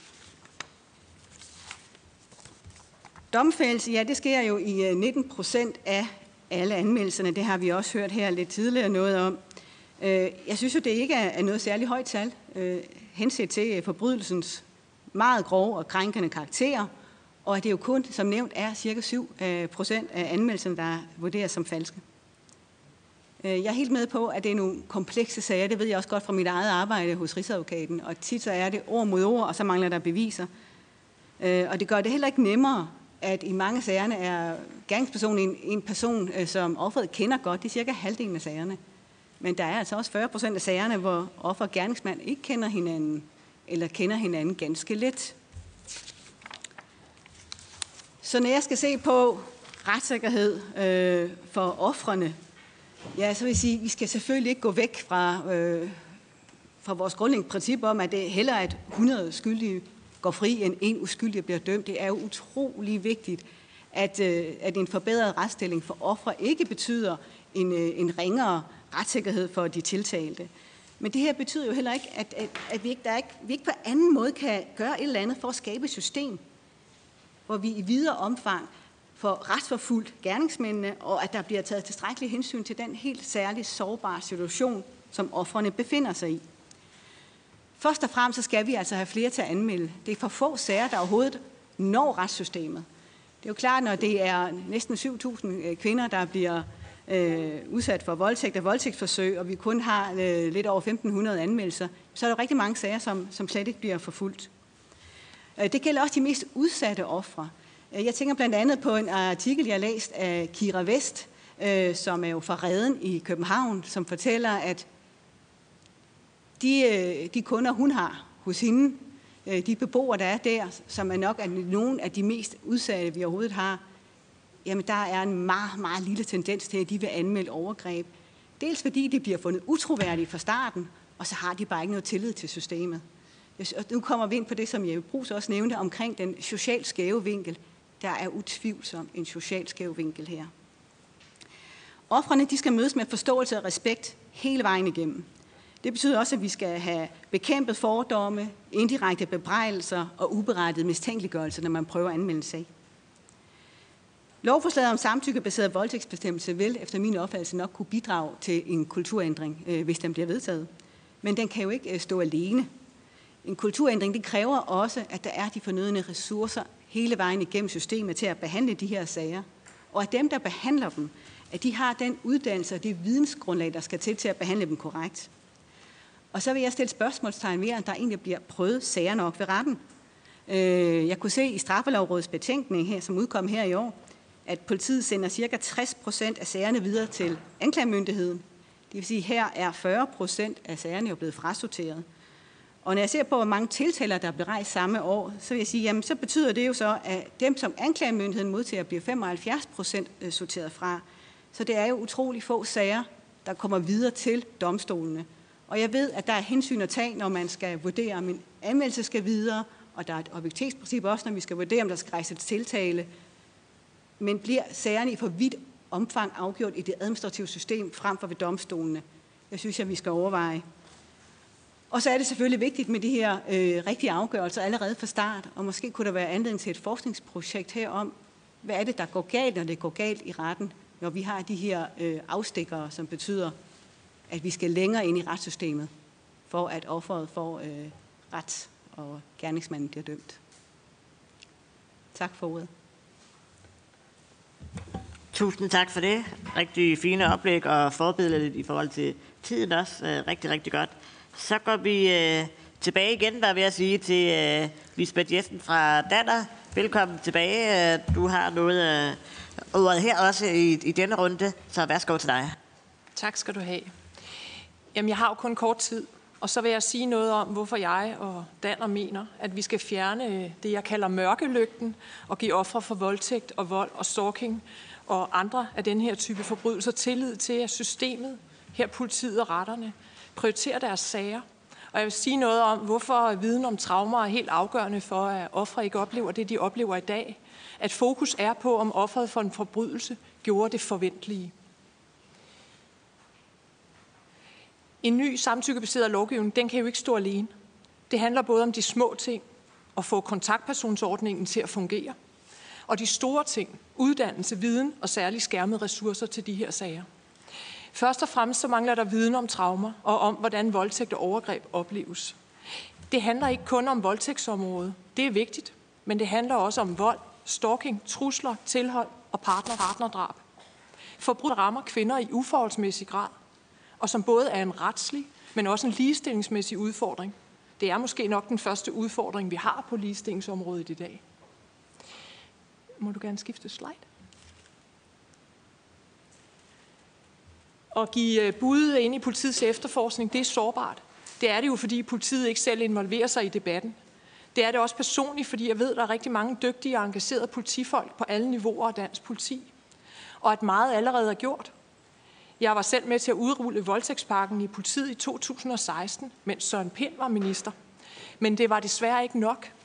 Jeg prøver at sætte ord på, hvad der skal til for at ofre ofte, oftere kan møde et politi, der har viden om traumer, viden om voldens dynamikker, tid til at gøre tingene ordentligt, har de fornødne rammer for at kunne udføre deres opgaver, bakkes op både politisk og af topledelsen i politiet, når sagerne skal prioriteres i en travl hverdag, og hvordan der også sidst, men ikke mindst, er brug for, at øh, dygtige og veluddannede medarbejdere i politiet skærmes fra grænsekontrol, fodboldkampe, bevogtningsopgaver og kan dedikere sig til det gode politiarbejde.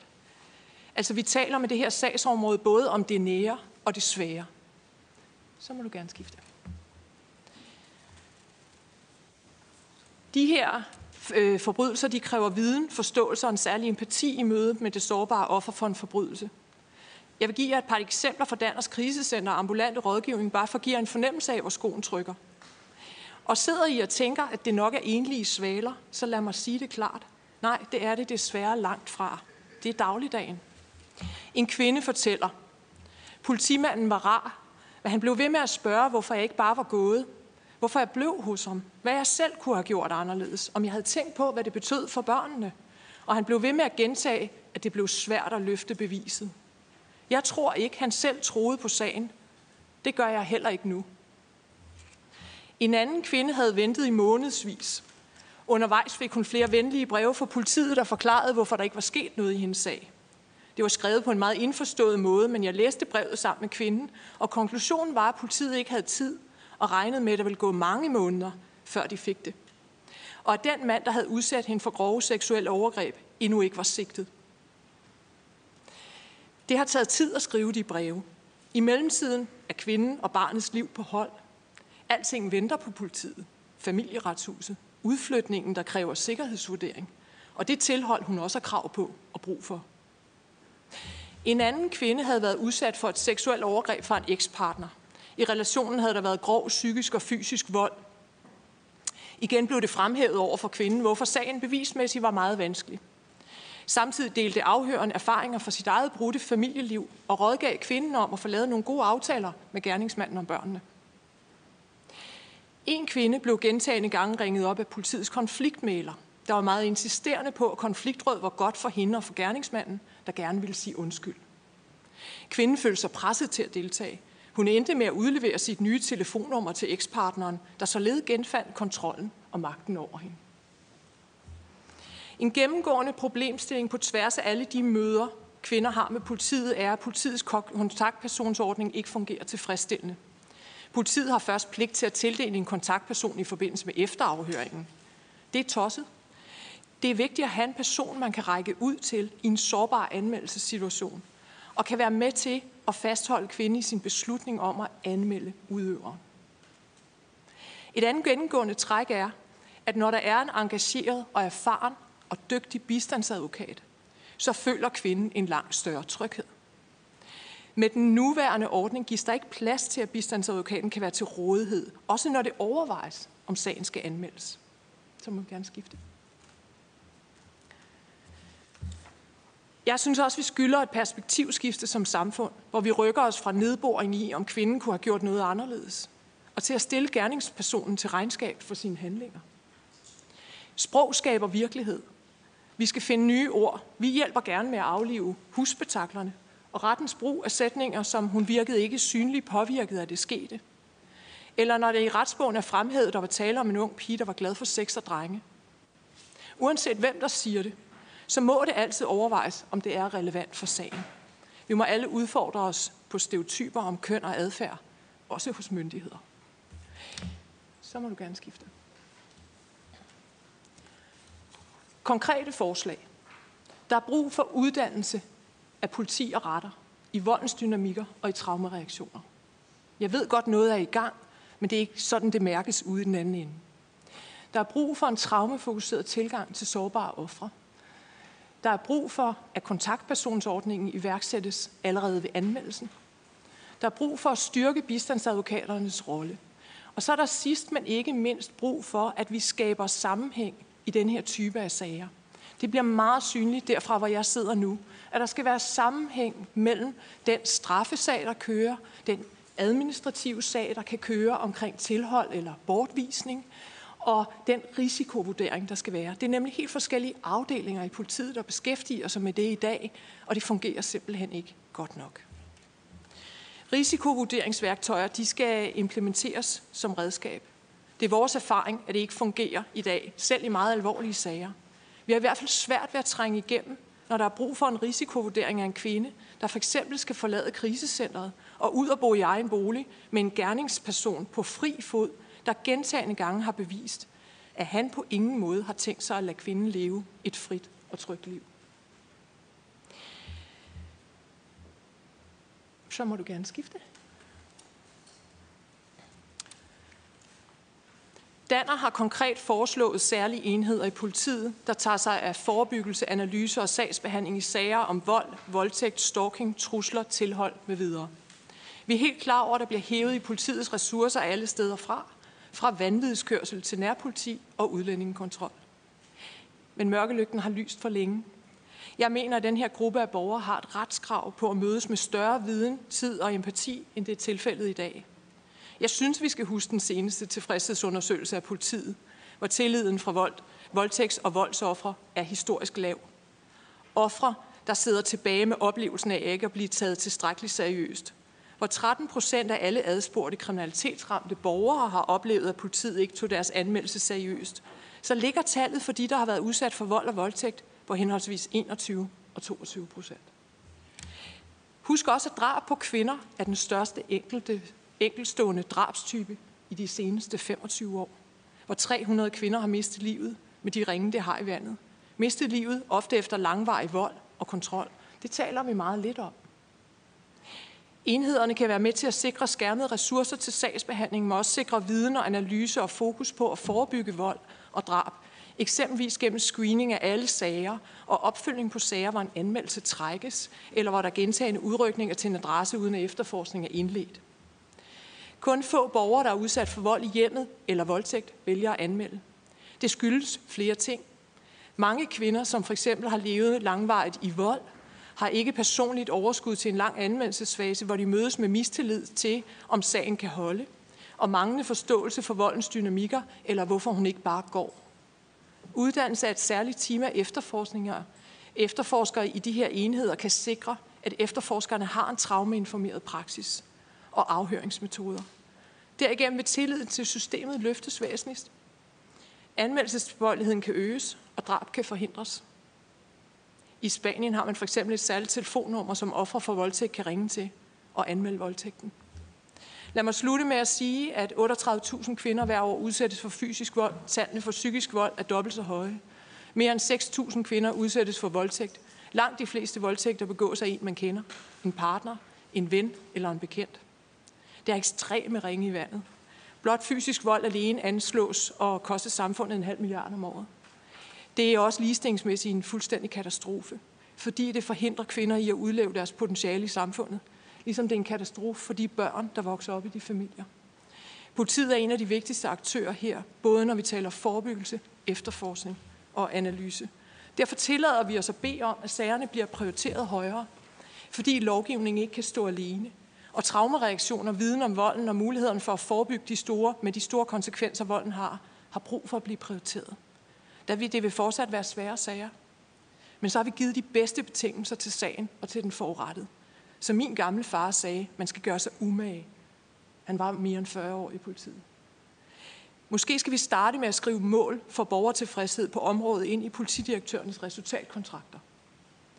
Den forrige rigspolitichef sagde det på den her måde at når man retter spotlight et sted, så bliver der mørkt et andet. Vi mener, det er tid til at dreje lygten over mod vold, voldtægt og øvrige overgreb, der særligt rammer kvinder. For alvor. Tak for tiden. Tak for de gode oplæg om udfordringer i efterforskning og sagsbehandling af voldtægtssager, og der er nu mulighed for spørgsmål til oplægsholderne, og indtil videre har jeg Pernille Vermund og Peter Skårup på. Værsgo, Pernille Vermund. Tak for det, og tak for to yderligere gode oplæg. Øh, I alt det her, så synes jeg, det er rigtig rart, at du på din sidste, eller om det var den næst sidste planche, holder fast i det her med, at selvom vi her sidder og taler om retssikkerhed for ofre, så er retssikkerheden for de mænd, som måske ikke er gerningsmænd, men bliver anklaget for at være det, øh, mindst lige så vigtig. Så tak for at pointere det. Jeg sad på et tidspunkt og blev sådan lidt, øh, løber det nu afsted, men tak for det. Øh, I forhold til det, du sagde tidligere, Søren Ravn, og i forlængelse af, af Danners øh, oplæg her øh, til undskyld, sidst. Undskyld, man må, man må desværre ikke stille spørgsmål til myndighederne, når justitsministeren ikke er her. Det var derfor, der var mulighed for det tidligere. Men der havde vi kun et spørgsmål. Ja, det var det, var det der var ærgerligt, vi, vi havde for... Det, det, her, det giver dig fuldstændig ret i. Det var ærgerligt, det lige var så, sådan. så kunne, men der kan så kunne man øh, måske stille Men der kan stilles skriftligt spørgsmål om det, du har øh, lyst Men til det, det er i forlængelse af det til Danner, så vil ja. jeg stille det til Danner i stedet, og så kan det være, at jeg kan snakke med Søren Ravn om det bagefter. Fordi det, som Søren Ravn siger, er, at der er en særlig afhøring af forurettede med specielle vilkår, og det passer jo ikke rigtigt med det, Eva Ågaard fortæller, når hun ringer og anmelder en voldtægt. Og der, kan jo, der er jo noget, der kan tyde på, at der er forskel på, hvordan man bliver behandlet, når man ringer op og vil anmelde en voldtægt, og når man sidder der øh, på stationen. Og spørgsmålet er, om eksemplet fra Spanien i virkeligheden kunne øh, være en løsning på det. Altså at man sikrer, at den, man får i røret, er en, der har viden om det her, eller at man alternativt fra politiets side ved, at hvis man ringer med en anmeldelse om voldtægt, så er det ikke der afhøringen skal starte. Den skal først starte, når man sidder på politistationen. Kunne det være en mulighed? Nu spørger det til dig, når jeg nu ikke må spørge Søren Ravn. Peter Skødrup. Tak for det, og tak for nogle gode øh, oplæg. Øh, noget af det, som jeg synes er rigtig ærgerligt med de her sager, voldtægtssager, hvor der heldigvis nu er klart flere anmeldelser, og det er jo helt med åbne øjne, at det, det sker, det er, at det, det tit ikke lad, kan lade sig gøre at finde gerningsmanden. Og jeg kunne godt tænke mig lige at høre Birgitte, øh, om, om, man kan, om, om du i din, din investigation her har fundet ud af, i hvor mange sager det er, som i, i, i Eva Aagaards sag, altså at man, man har sådan set DNA på gerningsmanden, man kan bare ikke finde ham i registret. Har, har I særlig grad undersøgt det? Øh, og var en mulighed, det, nu kommer jeg på Dansk Folkeparti, så, så, så nævner jeg det lige, var en mulighed, at vi fik et DNA-register, der faktisk så kunne betyde, at man kunne få fat i, i flere af de her gerningsmænd, inden at de begår nye overgreb. Så har jeg også lige selv et enkelt øh, spørgsmål til øh, Birgitte fra Justitia vedrørende som den der meget grundige undersøgelse, du havde været øh, medvirkende i i forhold til vejledning, blandt andet til, til politiet, i forhold til at få nogle spørgsmål, øh, man, man stiller. Det har vi jo også kredset om tidligere i forhold til, til, til retsledelsen. Um, har Justitia nogen bud på, hvordan at vi lovgivningsmæssigt eller på andre måder, ligesom både øh, fra politiets side, men også, øh, kan man sige, styrke, måske styrker retsledelsen i forhold til de der øh, spørgsmål, som hvor mange sexpartnere har du, hvad for nogle type sex kan du godt lide, hvad for, øh, hvilken beklædning har man på, altså de der meget irrelevante spørgsmål, men meget intimiderende spørgsmål, som øh, ligesom skal trænge forurettet op i en, en krog, eller i værste fald øh, bevirker, at man ikke anmelder, fordi man, man øh, synes, det er meget træls med sådan nogle øh, spørgsmål, og, og, og, og så fremdeles. Har Justitia nogle bud på, hvordan at man både det ene og det andet sted kunne øh, modvirke øh, den slags øh, spørgsmål og sætte en hård stopper for det? Lad os starte med Lisbeth og så Birgitte bag. Ja, men øh, på dit spørgsmål, Pernille, i forhold til, at den der oplevelse af, at der kan være forskel på anmeldelsen, eller forskel på det, som Eva har oplevet, og det, som politiet siger, de gør. For det tænker jeg, det er det, du spørger om. Så tænker jeg, jeg kunne kun sige det fra vores perspektiv. Så er øh, det meget svingende. Og øh, det handler om, hvem man møder. Øh, og når vi går ind og, an, øh, og anbefaler de her særlige skærmede enheder, så handler det om, at det er god fornuft, når man kompetenceudvikler og giver helt særlige kompetencer. Jeg har selv været videoafhører i rigtig mange år i politiet. At når man investerer i særlig uddannelse, så beholder man også folk i lang tid, og så skærmer man dem til at lave det arbejde. Øh, fordi det simpelthen, synes jeg, er et godt rationale. Så kan man sige, at der er jo i dag et stort flow i politiet, kvæg deres uddannelse og alt muligt andet, som jo også får betydning for, når nogen får nogle gode kompetencer hos Peter på